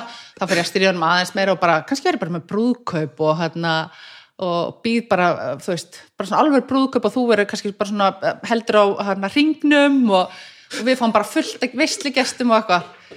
Þannig að er svona þessa hrekkjan. Þannig að síðan kem ég til eigunar Salína eh, sem er óbáslega fallega og bara svona lítil, það er ekkert þannig einn gata og bara dásanlegt fólk, konar, gamla konur eitthvað uh, þurka tómata, búið til sólþurkaða tómata bara skera niður, láta hana pallin fyrir utan og svo bara setjum daginn og komin sólþurkaða tómatar. Æ, þetta er allt svona original og geggjað. Og fyrsta sem ég hugsa þegar ég kem á að segja er bara bara vákvættum ekki svona brúðkaupsfílingur hérna. Bara vá, hérna væri ég til að gifta mig í mann og þá kemur þessi hugmynd og ég bara, nei, Berlind, þú veist ekki að fara þetta nei, nei, nei, nei, þetta er ofklikkað þetta er bara ofklikkað. Og svo er þetta alltaf svona eitthvað þarna, að koma upp hjá mér. Nema hvað að svo miskil ég eitthvað svona þú veist, og ég bara er að fara og hérna held ég sé að fara degi fyrr minnir þetta sé eitthvað neð þannig. Nema hvað allt í hennu græði auka dag og ég er þess að þannig að deginu sem ég held ég sé að fara ég bara ok, engi skandalar, allt í góðu maður er ekki að fylgja allir sem maður hugsaðar og eitthvað svona og svo bara er ég eitthvað að tala um konu og hún bara nei, nei, þú ert að fara morgun og eitthvað svona og, hérna, og ég bara fer á ströndina fæ mig prosecco og svo bara fjandin hafið það. Fyrst ég er henni einn dag þá er bara verið að segja, einn dag við og þá er bara verið að segja mér eitt. Ég þarf að gifta sjálfur mér. Og ég er náttúrulega eitthvað svona Instagramma hérna að fýblast, bara svona gleði við völd og þannig er bara svona leik gleði í gangi. Bara svona fýblast og hafa gaman og líka bara að vera eitthvað sáttur í sjálfu sér. Bara svona eitthvað sikileg kendi með það og, og líka bara það sem ég var búin að upplega ég var bara að njóta, ég var bara svo glöð og ég menna það er ekkert allir sem geta verið einir í þrjáru vikur með sjálfur sér. Uh, og ég, mér fannst þetta bara endislegt þannig ég fyrir þetta ég bara, já já, ég ætla bara hana, eitthvað að tala um það á Instagram, ég ætla bara að gifta sjálfur mér, vinkonum ég sendi mér er hægt að gifta sjálfur sér? Er það bara löglegt hann á sigili ég var ok, þetta er ekki alveg svona formlegt. Þannig ég bara hugsa og þá fer ég bara lengra með þetta. Ég bara fyrst ég er að fara að gifta sjálfur mér þá ætla ég bara að kaupa með brúðakjól ég ætla að kaupa með ring og blóm og bara gera þetta alveg og fara í kirkjuna. Og ég geri það og kirkjana er þetta lóku þannig að ég sest svona fyrir framann kirkjuna. Þegar þú ert búin að kaupa þér kjólina ég er í kjólnum og hérna með ringin og þú veist, við erum ekki að tala um, ég var ekki að spreða skilur þetta var bara eitthvað svona tíu efri ringur að þú fórst þess að alveg í hérna í, í, í, leiðangurinn og kiptir allan daginn okay. svona, og ég meina, þetta er bara ein gata samt A, þú stóðst upp af ströndinni fór slókraðinu og prósekkoinu og bara fórst í Eps, já, harriett og hérna, svo er kirkja lokuð og ég sess bara hérna fyrir framann kirkjuna og, og þá náttúrulega þarf maður bara að segja það sem maður segir. Þú veist, ég Berglind Guðmundsdóttir ég man ekki alveg hvernig þetta var en hérna, þú veist, lofa að elska og virða þig og eitthvað. Og ég skal segja það, að því að þetta byrjar svona í húmor en þetta var samt svo mögnu stund. Og að því að einu sinni hefði ekki getað tala svona fallega til mín. Skilja, einu sinni hugsaði ekki eins og fallega til mín. Þannig að þetta var bara mjög svona powerful að segja þetta upphátt og ég meiri þess að hefði ekki getað ímynda mér, ég meiri þess að tára þess ég bara svona, ég bara vildi mig bara vildi mig, þannig uh, en svo náttúrulega bara hérna já, og fólk, bara mörgum fannst þetta eðlega, svo kom þetta í fréttina og þá fannst örgulega mörgum þetta skrítið líka sem þetta er, þetta, ég meina ég geri margt sem er skrítið. En þarna en ég hef aldrei, að því mér, lang, mér fannst þetta vandræðilegt svona fyrst og eftir og mér langaði svo að segja bara já, þetta var bara grínað eitthvað, ég hef aldrei gert það því að ég held svona bóðskapurinn á bakvið þetta að þú veist og hversu skrítið er, við getum sagt elska aðra mannesku en við hefum erfitt með að segja að við elskum sjálf okkar. Bara það að það þykir skrítið það finnst mér bara svo áhugavert.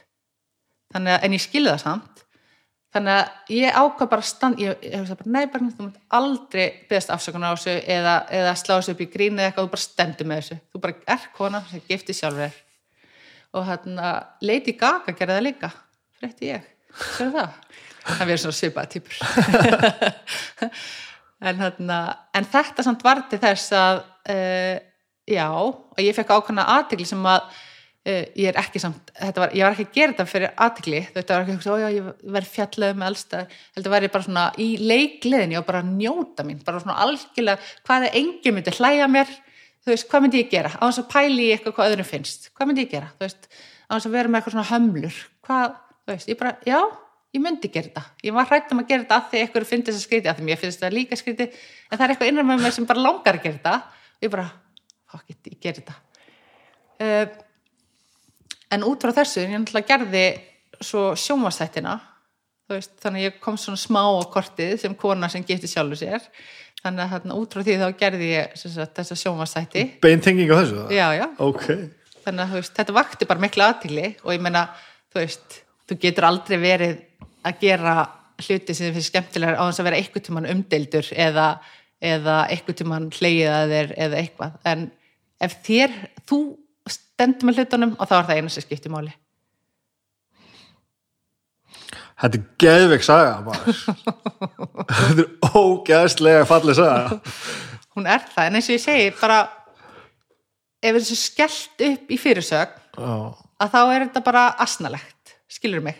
Veist, þá er þetta astnalegt en, en það er svo bara áhugaverð pæling að, að bakvið fyrirsögn er kannski eitthvað miklu meira þetta er stærra mál heldur það fyrst mér fyrir mér er þetta eitthvað svo það sem ég er að reyna að rembast við að vanda með að gera og þessi, þessi viðtölu hérna er að hjálpa mjög mikið við sko.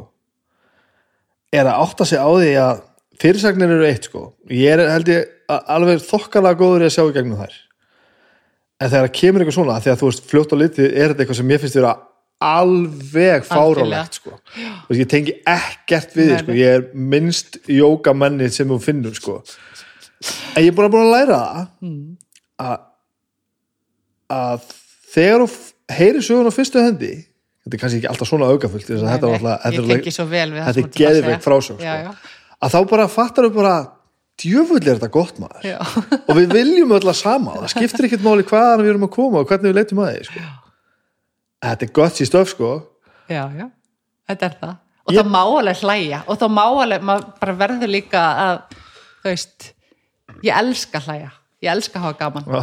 og, og þó það sé eitthvað til mann hlegið að manni skilur það er náttúrulega bara óhjá uh, þú veist, óhjá, hvað sem er ófrá Kvæmilegt. já, að þarna uh, að þá ætla að láta það stoppa þig. Eða þú veist, ef það er eitthvað innra með þér sem langar að gera eitthvað okkur ekki bara að gera það En sterkast í þessari sögu er líka það að þú hefur ekki, að þú hefur tekið meðvitað ákvörðunum að að snúi sig upp í grín.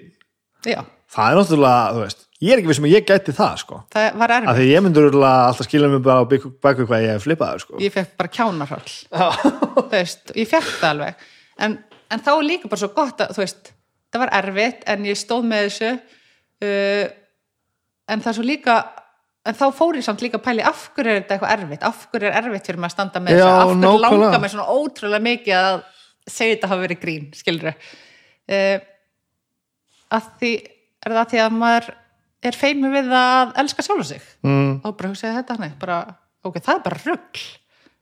Það er bara algjörst rugl þannig að hérna, kannski ættu við bara að hafa þetta öfugt, að við giftum sjálfum okkur áður við giftum sem eitthvað með öðrum Að því að þú ert ekki tilbúin að gifta sjálfu þér þú veist, gæsilega Ég sé, já, ég, en þetta er svo, svo rétt, sko. Þetta er, maður þarf að setja súrumiskrímuna fyrst á sig og svo á aðra, sko. en við gerum það ekki við förum oft bara í samband til að kannski með það að bjargast Mm eða breytast eða eitthvað Að gera það besta sem hægt er að gera einhvern veginn. Já. Maður sé það oft, sko. Ég er, sem betur fyrir ekki, mjög þekkaður að þessu. næ, nei, það er mitt Hvað næst? Hvað er að gera næst? ég veit aldrei hvað ég er að fara að gera. Ég var að bólusetja morgun. Ok. uh, já. Nei, ég er ekki að greinast ég, ég man aldrei hvað ég er að fara að gera. Uh -huh. ég veit ekki, bara að finna hérna leiðin að, sviðinu erlendis. Nei. Ég hérna, nei, ég veit ekki. Ég bara held áfram að elda auskvættir og og held áfram með hlaðvarpið og svo bara gerist eitthvað það veist, ég læti vita. Já, svo bara gerist eitthvað, það er eitthvað þarna í loftinu. Ég finn það bara. Og hérna og ég er bara spennt sko. Ó, ég lakka svo til að spila það þátt þegar, þegar þú verður bara þegar þú tekur á móti stittun eitthvað staðar eða þetta haldi ykkur að brjála eitthvað svo þess að bara hún var búin að segja ykkur að ég er með það hérna. nákvæmlega, þetta var ógeðslega skemmtilegt. Þetta var indislegt Takk fyrir að tala Vá, mig. takk sem leiðis fyrir að fá mig